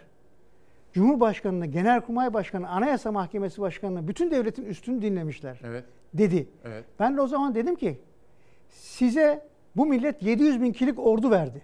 Size bu millet milli istihbaratı verdi. Size bu millet polis istihbaratı verdi. Siz kendinizi koruyamadıysanız benim hanemi nasıl koruyacaksınız? Ama daha büyük bir mesele var. Bize o tapelerle gösterilenler bilinenlerin bir kısmıydı.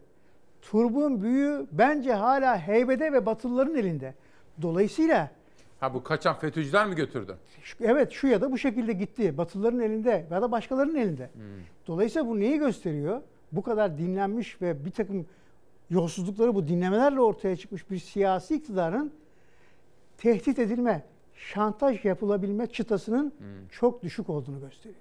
Bu Türkiye için bir milli güvenlik Ki, sorunudur. ki Amerika örgüt elebaşını tutuyor orada değil mi? Tabii. Pensilvanya'da Tabii. tutuyor. Halk Bankası meselesi var. Şimdi patladı biliyorsunuz. Ziraat Bankası meselesi var Almanya'da. Bütün bütün bunlara bütün bunları biz nasıl idare ediyoruz şu anda? Türkiye'nin konu bükmeye çalışıyorlar. Kolunu bükmeye çalışıyorlar. Bizim iktidarlarında bu anlamda açığının olmaması gerekir. E olmaması gerekir. Çünkü bu bir milli güvenlik sorunu olur. Milli meselelerde çok konuşamazsınız. Mavi vatan dersiniz 2-3 hafta birdenbire mavi vatanı unutmaya başlarsınız sonra. Yani ondan sonra Suriye'de 4 tane çocuğumuz şehit olur. Kimin şehit ettiğini henüz ortaya atamamış olursunuz.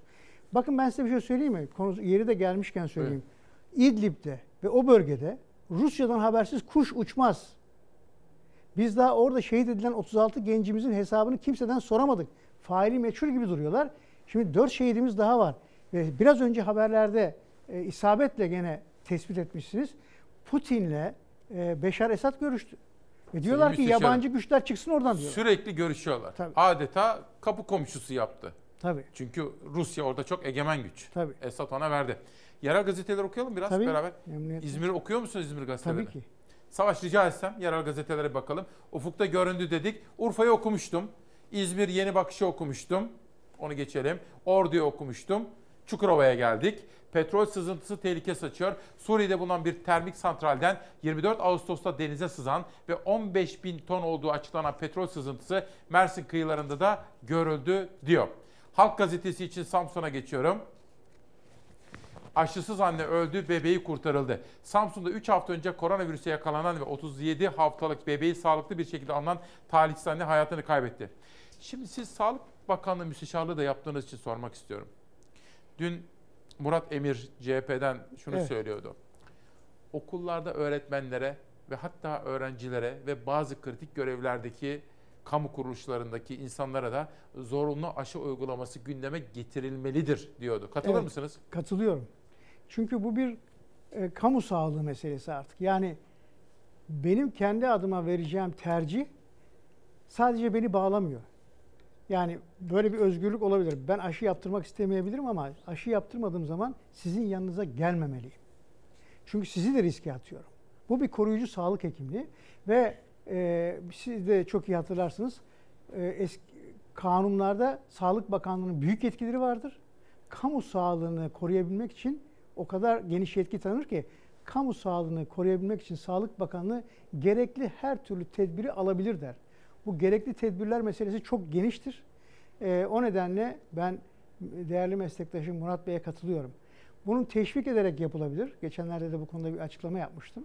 Bazı konularda teşviklerle yapılabilir. Bazı konularda zorunluluklar getirerek yapılabilir. İşte batılı ülkelerde e, pasaport deniyor, aşı pasaportu. Onu o olmayan bir takım yerlere giremeyecek, çıkamayacak gibi. Evet, katılamayacak. Anladım. Şimdi bir soru var izleyicimden. Evet. Özal Özer. Değerli Aytun Çıra'ya sorar mısınız? Erdoğan Bayraktar için hiçbir savcı soruşturma açamaz dedi.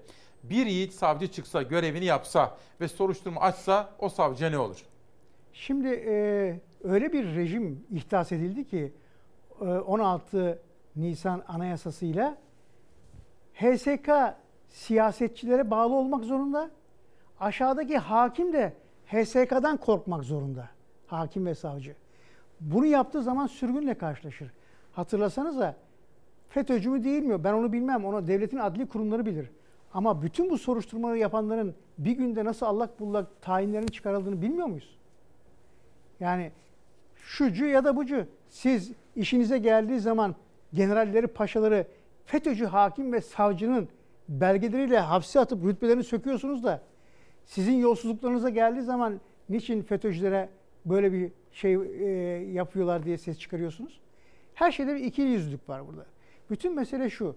Bakınız bir şey daha yaptılar gözden kaçmasın. Parlamento tatile çıkmadan önce olur da böyle bir savcı çıkabilir, tek başına resen soruşturma başlatabilir diye o savcıların yetkini, yetkisini kısıtlamak için il savcıları dışında hiçbir savcının artık resen dava açma hakkı yok. Çünkü ellerinden aldılar. E o kanunu. zaman nerede kaldı? Adalet Bakanı diyordu ki hakim teminatı, yargıç teminatı değil mi? Bunlar Ya, önemli. Nerede? İmkansız Peki. yok tabii ki. Sayın Müsteşarım sohbete devam edelim. Evet.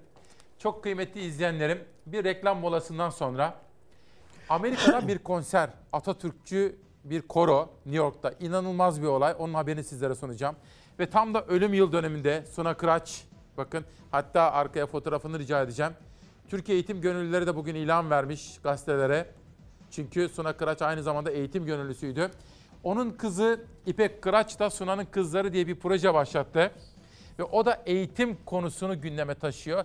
Biz de Çalarsat ailesi olarak onlara yardımcı olacağız. Çocuklarımız okusunlar diye. Onlar aydınlık geleceğe emin adımlarla yürüsünler diye bu projeyi takip listeme aldım. Bunun dışında ha bakın ha fotoğraflar. Dün gittim bilgiler aldım. Sizlere zaman zaman o bilgilerden anekdotlar anlatacağım efendim. Suna'nın Kızları projenin adı. Eskiden kardelenler vardı ya ya da baba beni okula gönder, haydi okula gibi kampanyalardan bence çok önemli bir yenisi geliyor. Tasavvuftan kuantuma Nurten Buğdaycı Engin Sel'in yeni çıkan kitabı bizimle birlikte. Terör Mustafa Zülküf Altan yazmış, imzalayarak bize göndermiş. Kendilerine teşekkür ediyorum. Bir reklam molasından sonra İyi Parti'de Meral Akşener'in baş danışmanı Aytun Çıray ile sohbetimiz devam edecek.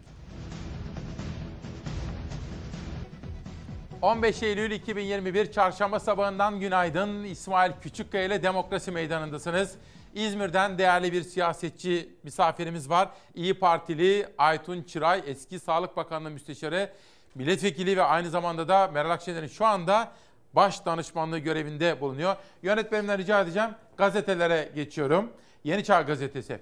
Erken saatlerde Türk Gün Gazetesi'nin manşetini okumuştum. Sıra geldi Yeni Çağ'a.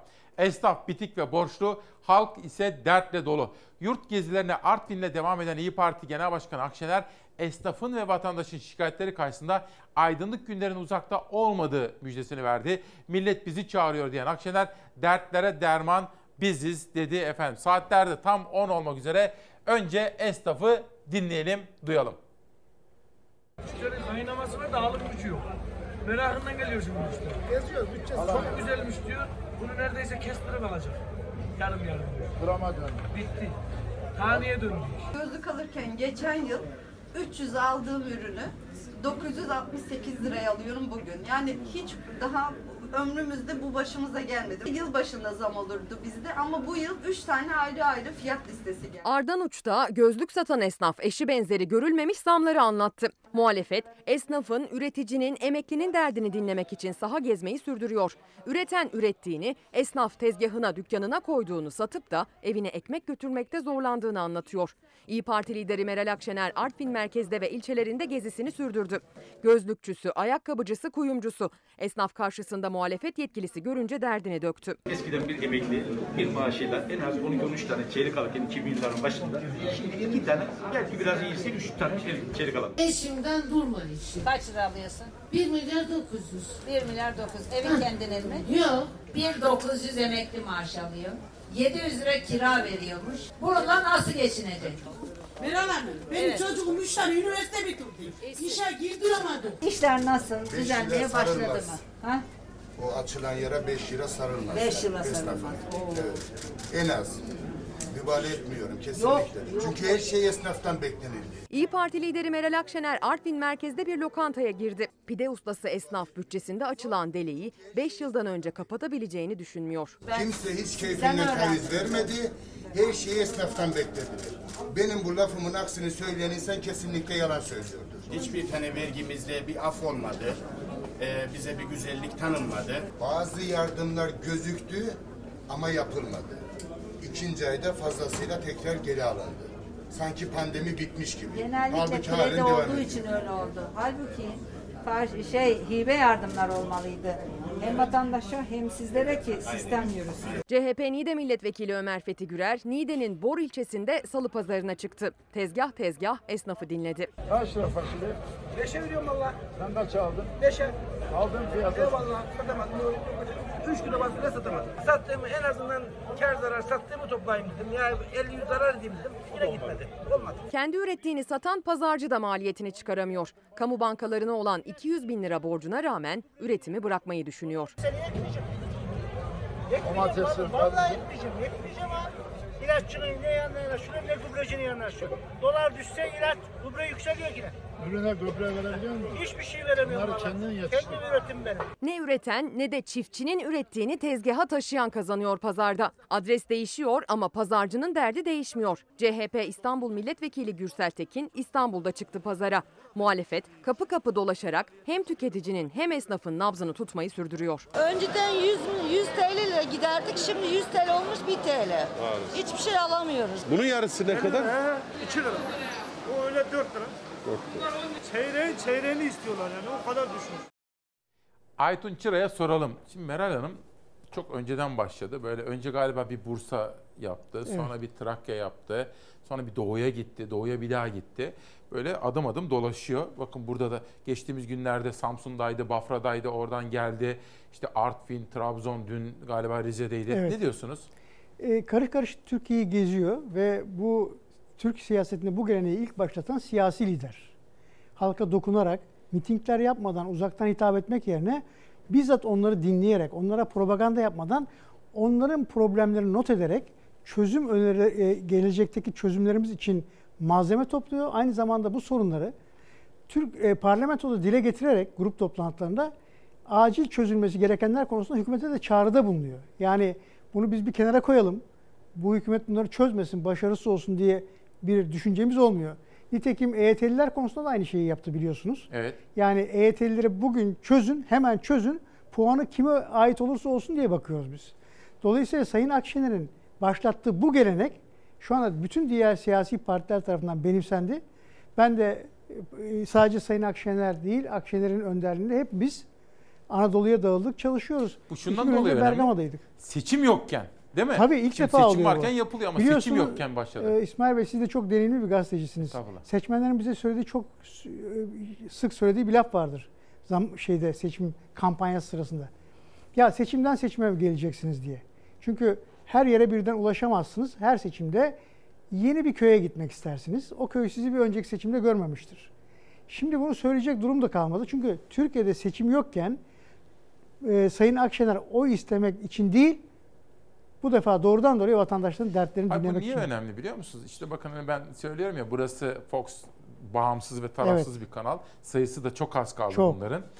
Dolayısıyla halkın ihtiyaçlarının, duygu ve düşüncelerinin iktidar mensuplarına ulaşması gerekiyor. Tabii. Oralarda ulaşamıyor. Tabii. Oralardaki medyadan da sızamıyor artık böyle haberler. Dolayısıyla hani siyasiler en azından halka gitsinler. Biz de bu vesileyle halkın sorunlarını gündeme taşıma ve iktidara duyurma misyona sahibiz. Kesinlikle. Objektif gazetecilik, objektif televizyonculuk yapıyorsunuz. İşte nitekim geçen gün e, bir muhabirinizin de e, basın toplantısına alınmamış Evet. olması ve onun alınmama gerekçesi de bir soru sormasının istenmemesi. Tabii basın özgürlüğü esasen size lazım değil İsmail Bey. Basın özgürlüğü vatandaşa ve bize lazım. Yani haber alma özgürlüğü lazım bize. O nedenle basın özgürlüğü kamunun, milletin en önemli çıkar noktalarından bir tanesidir. Hep birlikte bunu savunmalıyız. O kadar önemli ki efendim. Bakın ben hep şunu söyleye geliyorum. Arkadaşlar o haberi de bir izleyelim. Barış'la ilgili haberi. İktidar sahiplerinin ne kadar güçlü olurlarsa olsunlar her türlü soruya muhatap olmaları gerekir ve böylesine özgüven içerisinde bulunmaları da gerekir. Aslında eleştirilmek ne kadar sert olsa da o soruya muhatap olmak iktidar sahiplerinin lehinedir. Bir soru soracakmış da biz o sorudan korktuğumuz için bu muhabiri almamışız. Yok abi ben çıkmam. Nasıl? Eğer size diyorlarsa Fox TV'yi salondan çıkartın. En büyük yetkili kimse o gelsin çıkarsın abi. Anayasaya ve basın özgürlüğüne aykırı şekilde talimatla bir gazeteciyi basın toplantısından güvenlik marifetiyle çıkartmaya çalıştığı anlara ilişkin görüntü olmasına rağmen AK Parti sözcüsü Ömer Çelik, Fox TV muhabirinin basın toplantısına alınmamasını şahsi bir mesele gibi anlattı. Eski Çevre ve Şehircilik Bakanı Erdoğan Bayraktar'ın yapmış olduğu açıklamaları soracaktım. 2 Eylül tarihindeki basın toplantısına AK Parti ve Cumhurbaşkanlığına akredite Fox TV muhabirini aldırmadı. AK Parti sözcüsü Ömer Çelik gerekçesi Erdoğan Bayraktar'ın yaptığı açıklamalarla ilgili sorunun sorulmasını istememesi. Fox'un kurumsal yapısına dönük bir tavır gibi sunuyor. Bizim kimsenin kurumsal yapısıyla ilgili bir işimiz yok. Anayasaya aykırı bir şekilde gazeteciyi basın toplantısına aldırmayan Ömer Çelik 11 gündür bu konuda sessizdi.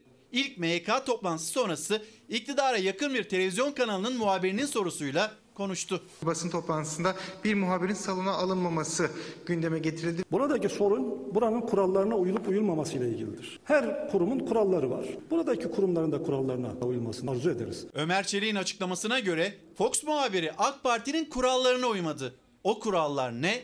Çelik açıklamadı. Hangi sorudan çekinecekmişiz? Sizin muhabiriniz burayı düzenli takip etmiyor. 3-4 ayda bir geliyor. İkincisi muhabiriniz daha önce engellenmemiş. Yok abi ben çıkmam.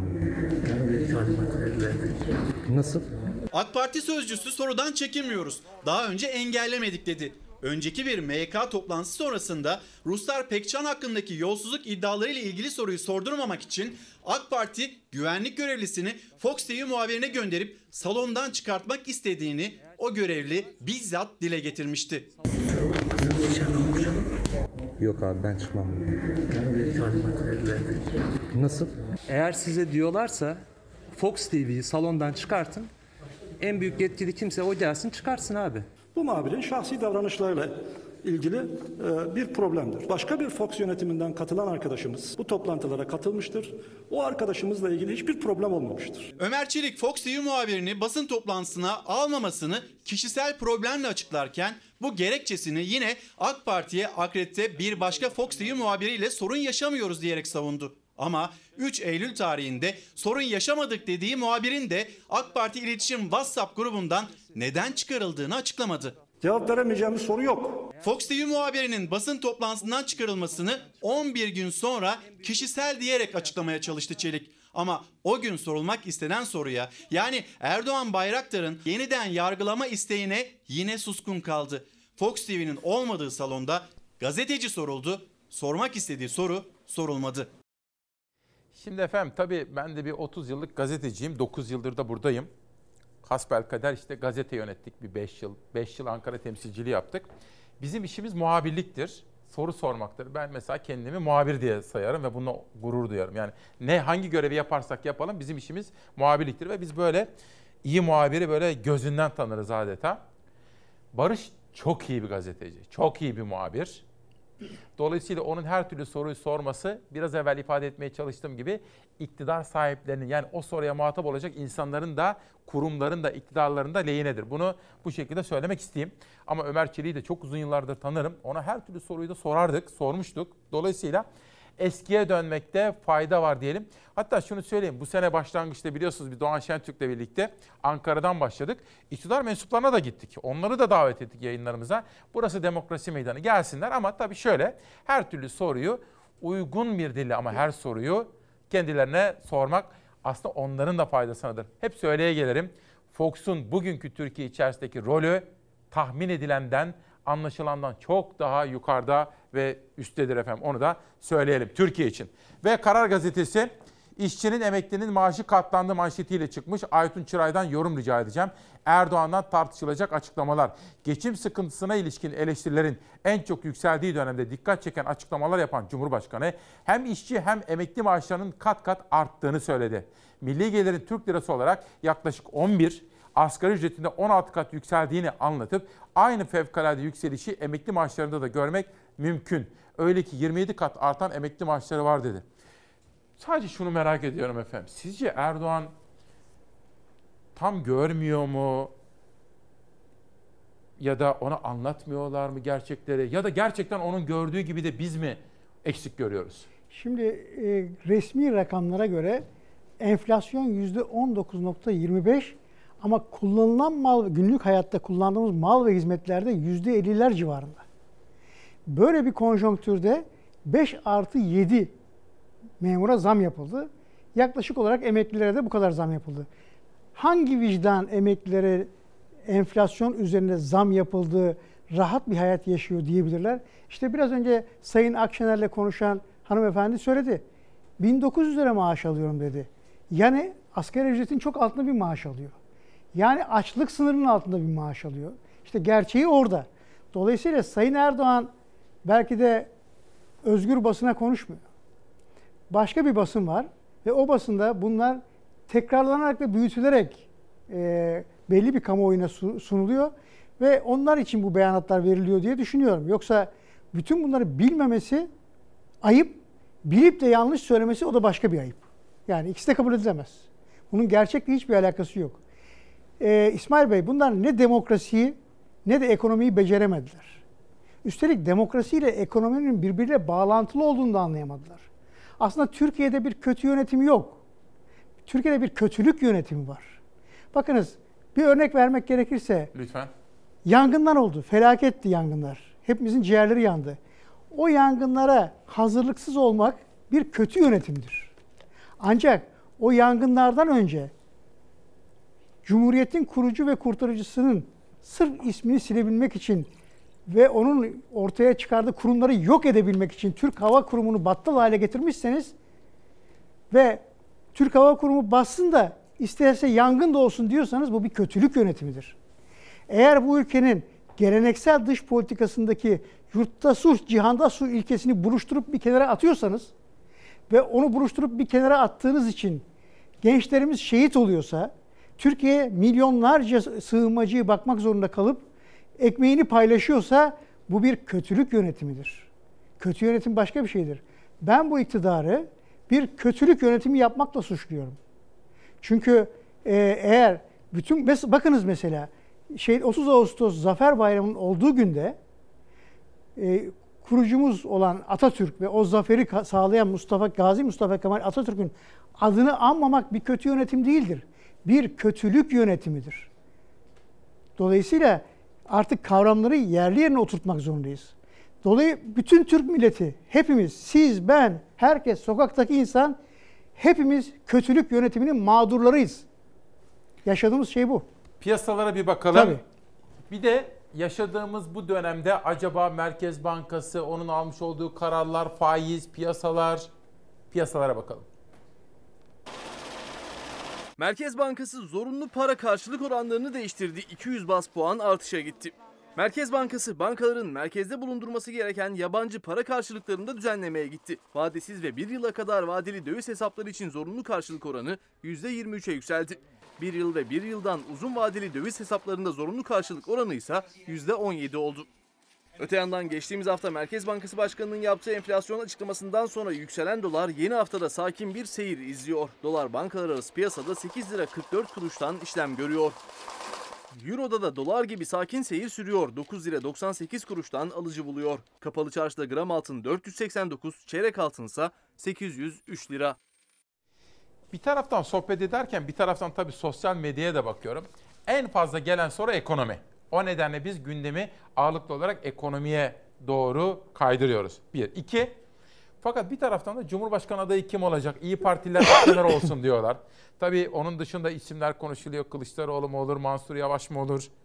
Mansur Yavaş iyi gidiyor değil mi? Herkes iyi gidiyor. Belediye, belediye baş... başkanları, Millet İttifakı. şu anda Millet İttifakı'nın belediye başkanları İstanbul'da başta olmak üzere ki İstanbul'un biraz sonra belki e, bu söylediğiniz bağlamda önemi konuşulacak. Türk siyasi hayatında önemi konuşulacak. Bence gayet iyi gidiyorlar, başarılılar. Peki. yani birkaç dönem daha bunu yapmayı hak ediyorlar. Bir daha söyleyin. Birkaç dönem daha bunu yapmayı hak ediyorlar. Ha, birkaç dönem daha. Tabii işte aslında Kılıçdaroğlu da bir onu söylemişti. Böyle aktif çalışmaya devam ettikleri sürece millet onları takdir edecektir tabii ki. Evet. Ha, önemli bir manşet verdiniz şimdi. AK Parti lideri Akşener il gezilerine devam ediyor. Trabzon havaalanında Cumhurbaşkanı Akşener sloganları ile karşılandı. Akşener böyle sloganlar olduğu zaman geçenlerde de oldu. Susturmaya çalışıyor. Evet. Ee, bir izleyelim mi videoyu? Tabii, Trabzon'a memnuniyetle. gidebilir miyiz arkadaşlar? Hadi Trabzon'dayız. Cumhurbaşkanı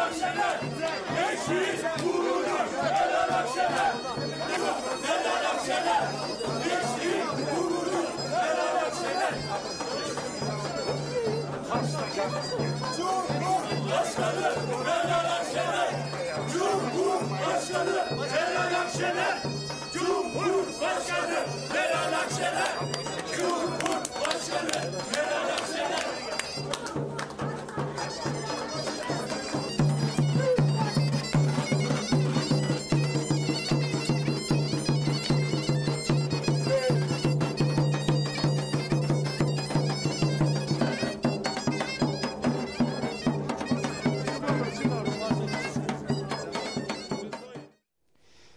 Bana da soruyorsunuz ama ben soruları hop böyle hani adeta futbolcu tabiriyle göğsümde yumuşatıp şöyle sol ayak içiyle Aytun Bey'e doğru yönlendireceğim. Ama bu arada futboldan sözü açmışken bu akşam Beşiktaş'ın Şampiyonlar Ligi'ndeki maçı var. Borussia Dortmund ile Şampiyonlar Ligi'ndeki ilk maçını İstanbul'da kendi sahasında oynayacak. Beşiktaş istim üstünde, müthiş formda, yeni transferleri de göz dolduruyor, iyi de oyun oynuyorlar. Ben son derece iyimserim. Sergen Yalçın ve öğrencilerine başarılar diliyorum. Ben de fırsat bulursam maça gitmek istiyorum. Onu da anekdot olarak söylemiş olayım. Aytun Bey sizin kavramsallaştırmalara önem verdiğinizi biliyorum. Vicdan kardeşliği diye bir kavramdan bahsediyorsunuz son Evet. zamanlarda. Bu Uğur Dündar'la yaptığınız röportajda da var. Halk TV'de gördüm galiba Evet. orada da söylüyordunuz. Vicdan kardeşliği. Evet. Şimdi en son yapılan yerel seçimlere baktığımız zaman işte siz Millet İttifakı'nın belediye başkanları nasıl kazandı? CHP'liler oy verdi, İyi Partililer oy verdi, ne bileyim Saadetliler, Demokrat Partililer, HDP'liler hatta kimi kimi diğer partilerden de oylar da geldi ki böyle tablo ortaya çıktı. Evet. Bir sonraki seçime bu gözle baktığınız zaman vicdan kardeşliği kavramını nereye oturtuyorsunuz? İsmail Bey, Türk siyasi hayatını son yıllarda değiştiren iki önemli kırılma olmuştur. Bunlardan bir tanesi Sayın Akşener'in İyi Parti'yi kurmuş olması, tünelin ucundaki kaybolmakta olan ışık tekrar yandı. İkinci büyük kırılma İstanbul Büyükşehir Belediye seçimleridir. Hatırlamalısınız, Sayın Erdoğan İstanbul'u kazanan Türkiye'yi kazanır demişti ya da tersini söylemişti. Şimdi İstanbul'da bir hadise oldu. Ee, İstanbul'da ilk seçimlerde yak 14-15 bin oyla e, Sayın İmamoğlu seçimleri kazandı. Ancak Yüksek Seçim Kurulu'nun oyunlarıyla o günleri iyi hatırlayalım. Milleti iradesi yok sayıldı ve seçimler iptal edildi. İşte o sırada İstanbulluların Türkiye'yi de temsil edecek bir şekilde vicdanları kanadı. Oylarının yok sayılmasına kabul etmediler. Oylarının yok sayılması demek alıştıkları demokrasinin artık sandıksal anlamda dahi ortadan kalkması anlamına gelecekti. İşte bu kanayan vicdanlar ikinci seçimde 800 binin üzerinde oyla gerekli cevabı verdiler. Neye rağmen?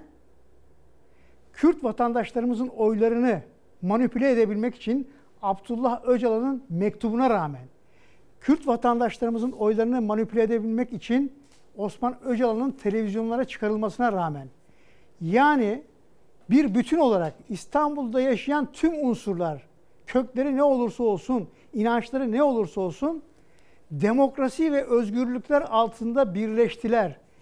Hiçbir konuşma olmadan, bir sağduyuyla. İşte ben buna vicdan kardeşliği diyorum. Demokrasiyi korumak için ortaya çıkmış, Türküyle, Kürdüyle, Alevisiyle, Sünnisiyle, inananıyla, inanmayanıyla muazzam bir demokrasi kültürünün dışa vurumuydu bu. Bana göre bizi biz yapan vatandaşlık kriterlerimiz içerisine yeni bir kavram daha girdi. Vicdan kardeşliği.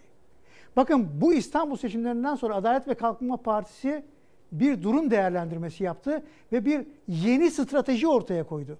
Neydi bu strateji? Millet İttifakı'nı Kürtlerle kavga ettirme stratejisiydi. Bunun için PKK üzerinden her bir siyasi partiyi şeytanlaştırmaya kalktılar. Kendi, halbuki kendileri PKK ile oturan bu siyasi parti diğer siyasi partilere bir iftira atarak onları PKK üzerinden şeytanlaştırmaya kalktılar ve birbirine düşürmeye kalktılar. Bu bir strateji miydi? Bu büyük bir stratejiydi. Bu Millet İttifakı'nın Kürtlerle arasını bozma stratejisiydi. Tuttu mu? Tutmadı. Biz bunu yutmadık bu sefer. Biz bunu şeffaflaştırdık. Şimdi aracılığınızla bir kez daha şeffaflaştırmak istiyoruz. Nedir? Diyoruz ki Türkü ile Kürdü ile büyük bir milli şuur oluşmuştur. Hepimiz birlikte yaşama irademizi ortaya koyduk. Zaten bu partiyi kurarken Sayın Akşener kimlik kartını çıkarıp göstererek bu tapumuzdur dediği zaman her bir vatandaşın eşit vatandaş olduğunu biz söylemiştik. Partinin kuruluş şeyinde vardı bu. Başında vardı. Şimdi bu aşamadan sonra bu tür bölücü, kutuplaştırıcı siyasetleri yutmayacağız. Çünkü ortak idealimiz bu ucube rejimden, mutlak güçler birliğinden öncelikle kurtulmak. Bu ucube rejimden kurtulup demokrasiye ulaşıncaya kadar, özgürlükleri tekrar ele geçirinceye kadar, yeniden anayasal hukuk devletini inşa edinceye kadar ve hukuku işler hale getirinceye kadar, işleyen devleti sağlayıncaya kadar, eskiden olduğu gibi büyük ideallerimize yönelinceye kadar, yani Avrupa Birliği idealine, yani Avrasya'da güçlü bir Türkiye idealine yönelinceye kadar bütün detay fikirlerimizi ertelemekle görevliyiz. İşte Borat abi bunu söylüyordu. Tamam. Büyük bir hedef varsa diğer Evet. ayrılıkları bir tarafa paranteze alırsınız diyordu. Demokrasi yoksa bunları konuşamayız zaten. Gelin demokrasiyi elde edelim, gelin hukukun üstünlüğünü inşa edelim. ayrılıklara bakarız, Sonra konuşuruz. kendi aramızda her şeyi tartışalım. Tartışırız. Ha. Herkes kendi yönüne gitmeye devam etsin. Ama Türkiye'de 1000 2023 seçimleri Türk demokrasisini tekrar geriye alabilmek için son şanstır. Peki. Türkiye bundan sonra daha büyük sıkıntılara gider. Ama bu irade ortaya çıkmıştır. Ee, zaten biz İyi Parti olarak bir ideoloji partisi değiliz. Biz birleştirici bir liderlikle, Sayın Akşener liderliğiyle Türkiye'yi kucaklamayı düşünüyoruz. Yani çünkü emin olun İsmail Bey, İzmir'deki vatandaşımızın derdi neyse Diyarbakır'dakinin de o. Tabii hepimiz aynı ülkede Trabzon'dakinin yaşıyoruz. derdi neyse Hatay'dakinin de o. Bravo. Konya'dakinin derdi neyse Kayseri'dekinin de o. Bizi o mağduriyet zaten bir araya getiriyor. Ha ondan sonra herkes o kendi özel ve özgür fikirlerini demokrasi içinde tartışabilir. Çok aslında net. Evet. Bu arada Sevgül Dinç, Eskişehir'den bir anne ne güzel her fırsatta Atatürk'ü ve Cumhuriyet değerlerini bize hatırlatıyorsun diyor. Sevgül De- Dinç annemizi buradan selamlıyorum. Dün Anadolu Ajansı'nda Amerika'da New York'tan bir Atatürk konseri gördüm. Arkadaşlarımdan rica ettim. Beyza haberleştirdi. Zeray hazır mı o? Zeray'dan editörümden rica edeceğim. Taner Damcı, Kara Okyanus'un Kıyısında isimli kitabıyla bizimle birlikte pandemide bir doktor öyküsü. Tamer Damcı'dan teşekkür ederim. Ve mutfağa dair her şeyin alternatif rehberi yeni çıkan kitaplardan birisi de yine imzalı olarak bize gelmiş. Teşekkür ediyoruz. Şimdi hep beraber Amerika'ya, New York'a, Manhattan'a gidiyoruz. Türk müziğinin eşsiz notaları New York sokaklarını sardı. New York Atatürk Korosu Manhattan'da Balkanlardan Akdeniz'e Türk kültürünün her rengini barındıran şarkılarına ses verdi.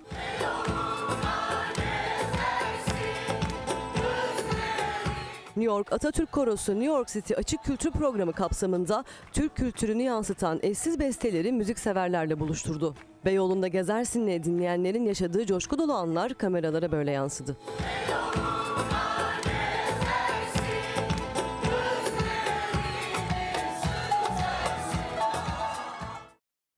Nasıl efendim ne diyorsunuz? Bakın Atatürk şeyi inanılmaz. Müthiş. Ya işte ortak değerimiz Atatürk'tür efendim. Evet. Kültürde, sanatta, siyasette, hayatta o ayrıştırıcı değil, o birleştirici. Şimdi çok soru geliyor efendim onu da söyleyeyim. Cumhurbaşkanı adayı ile ilgili. Bakın efendim bir Ankara gazetecisi olarak ben önce naçizane fikrimi söyleyeyim. Dört tane aday var. Tamam. Ben hangisinin aday olacağına dair bir tahminim var. Doğan Şentürk'le de geçen konuştuk. Evet biz dedik o aday olur. Ama ben dört adayı söylüyorum. Mansur Yavaş, Meral Akşener, Ekrem İmamoğlu, Kemal Kılıçdaroğlu. Bu dördünden biri üzerine Millet İttifakı liderleri anlaşacaklar. Ben beşinci isim olduğunu düşünmüyorum. Bu dördünden hangisinin önde olduğunu da biliyorum ama onu söyleyemem şimdi. Yönlendirme anlamına gelir. Ama İyi Parti'ye soralım. Kim olur? Ee, şu anda buna iki genel başkanın verdiği, yaptığı açıklamalarla cevap verebilirim. Ee, Sayın Meral Akşener çok merak ediyorsanız erken seçimi hemen getirin. Millet İttifakı'nın adayını öğrenirsiniz dedi. Sayın Kemal Kılıçdaroğlu da bir prototip tarif etti. Yani bu görevi yapacak. Yeni anayasanın inşası yapılır yapılmaz seçime gidecek. İhtirasları olmayacak. e, devlet deneyimi olacak. Bir tipoloji ortaya koydu. Çünkü sıradan bir yönetim olmayacak buna emin olun. Türkiye'nin son 20 yılda kadroları biçildi. İsmail Bey, yani devlet yönetimine geldiğimiz zaman yeniden bir liyakata dayalı kadrolaşmayı önce sağlamak zorundayız. Ve bunu bütün bu yollardan geçen bunları kapat bunları e, zaman kaybetmeden kavrayacak bir e, başkanlığa ihtiyacımız olacak. Dolayısıyla benim içim rahat. İsimler üzerine hiç durmuyorum. Çünkü deneyimle yaşadık gördük ki bu iki lider mahalli seçimlerde doğru tercihlerle Türkiye'de muazzam bir başarı elde ettiler.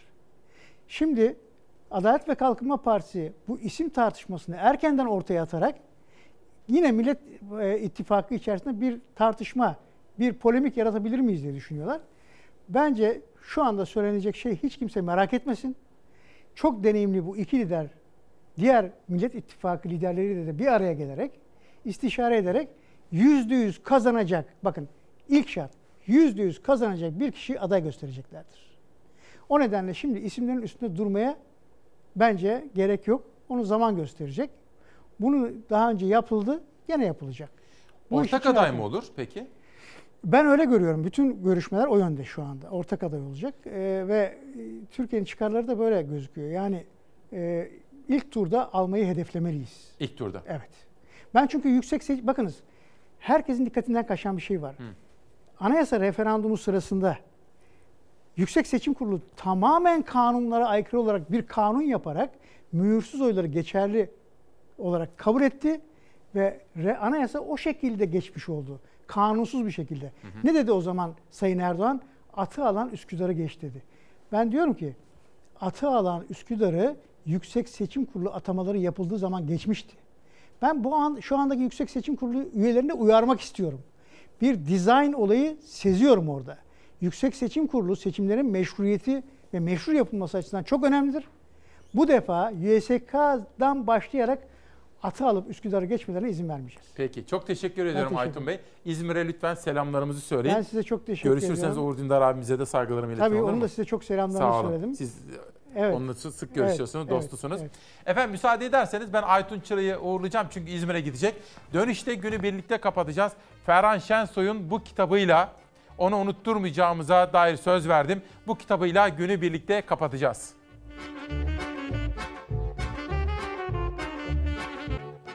Bu sabah günü birlikte karşıladık.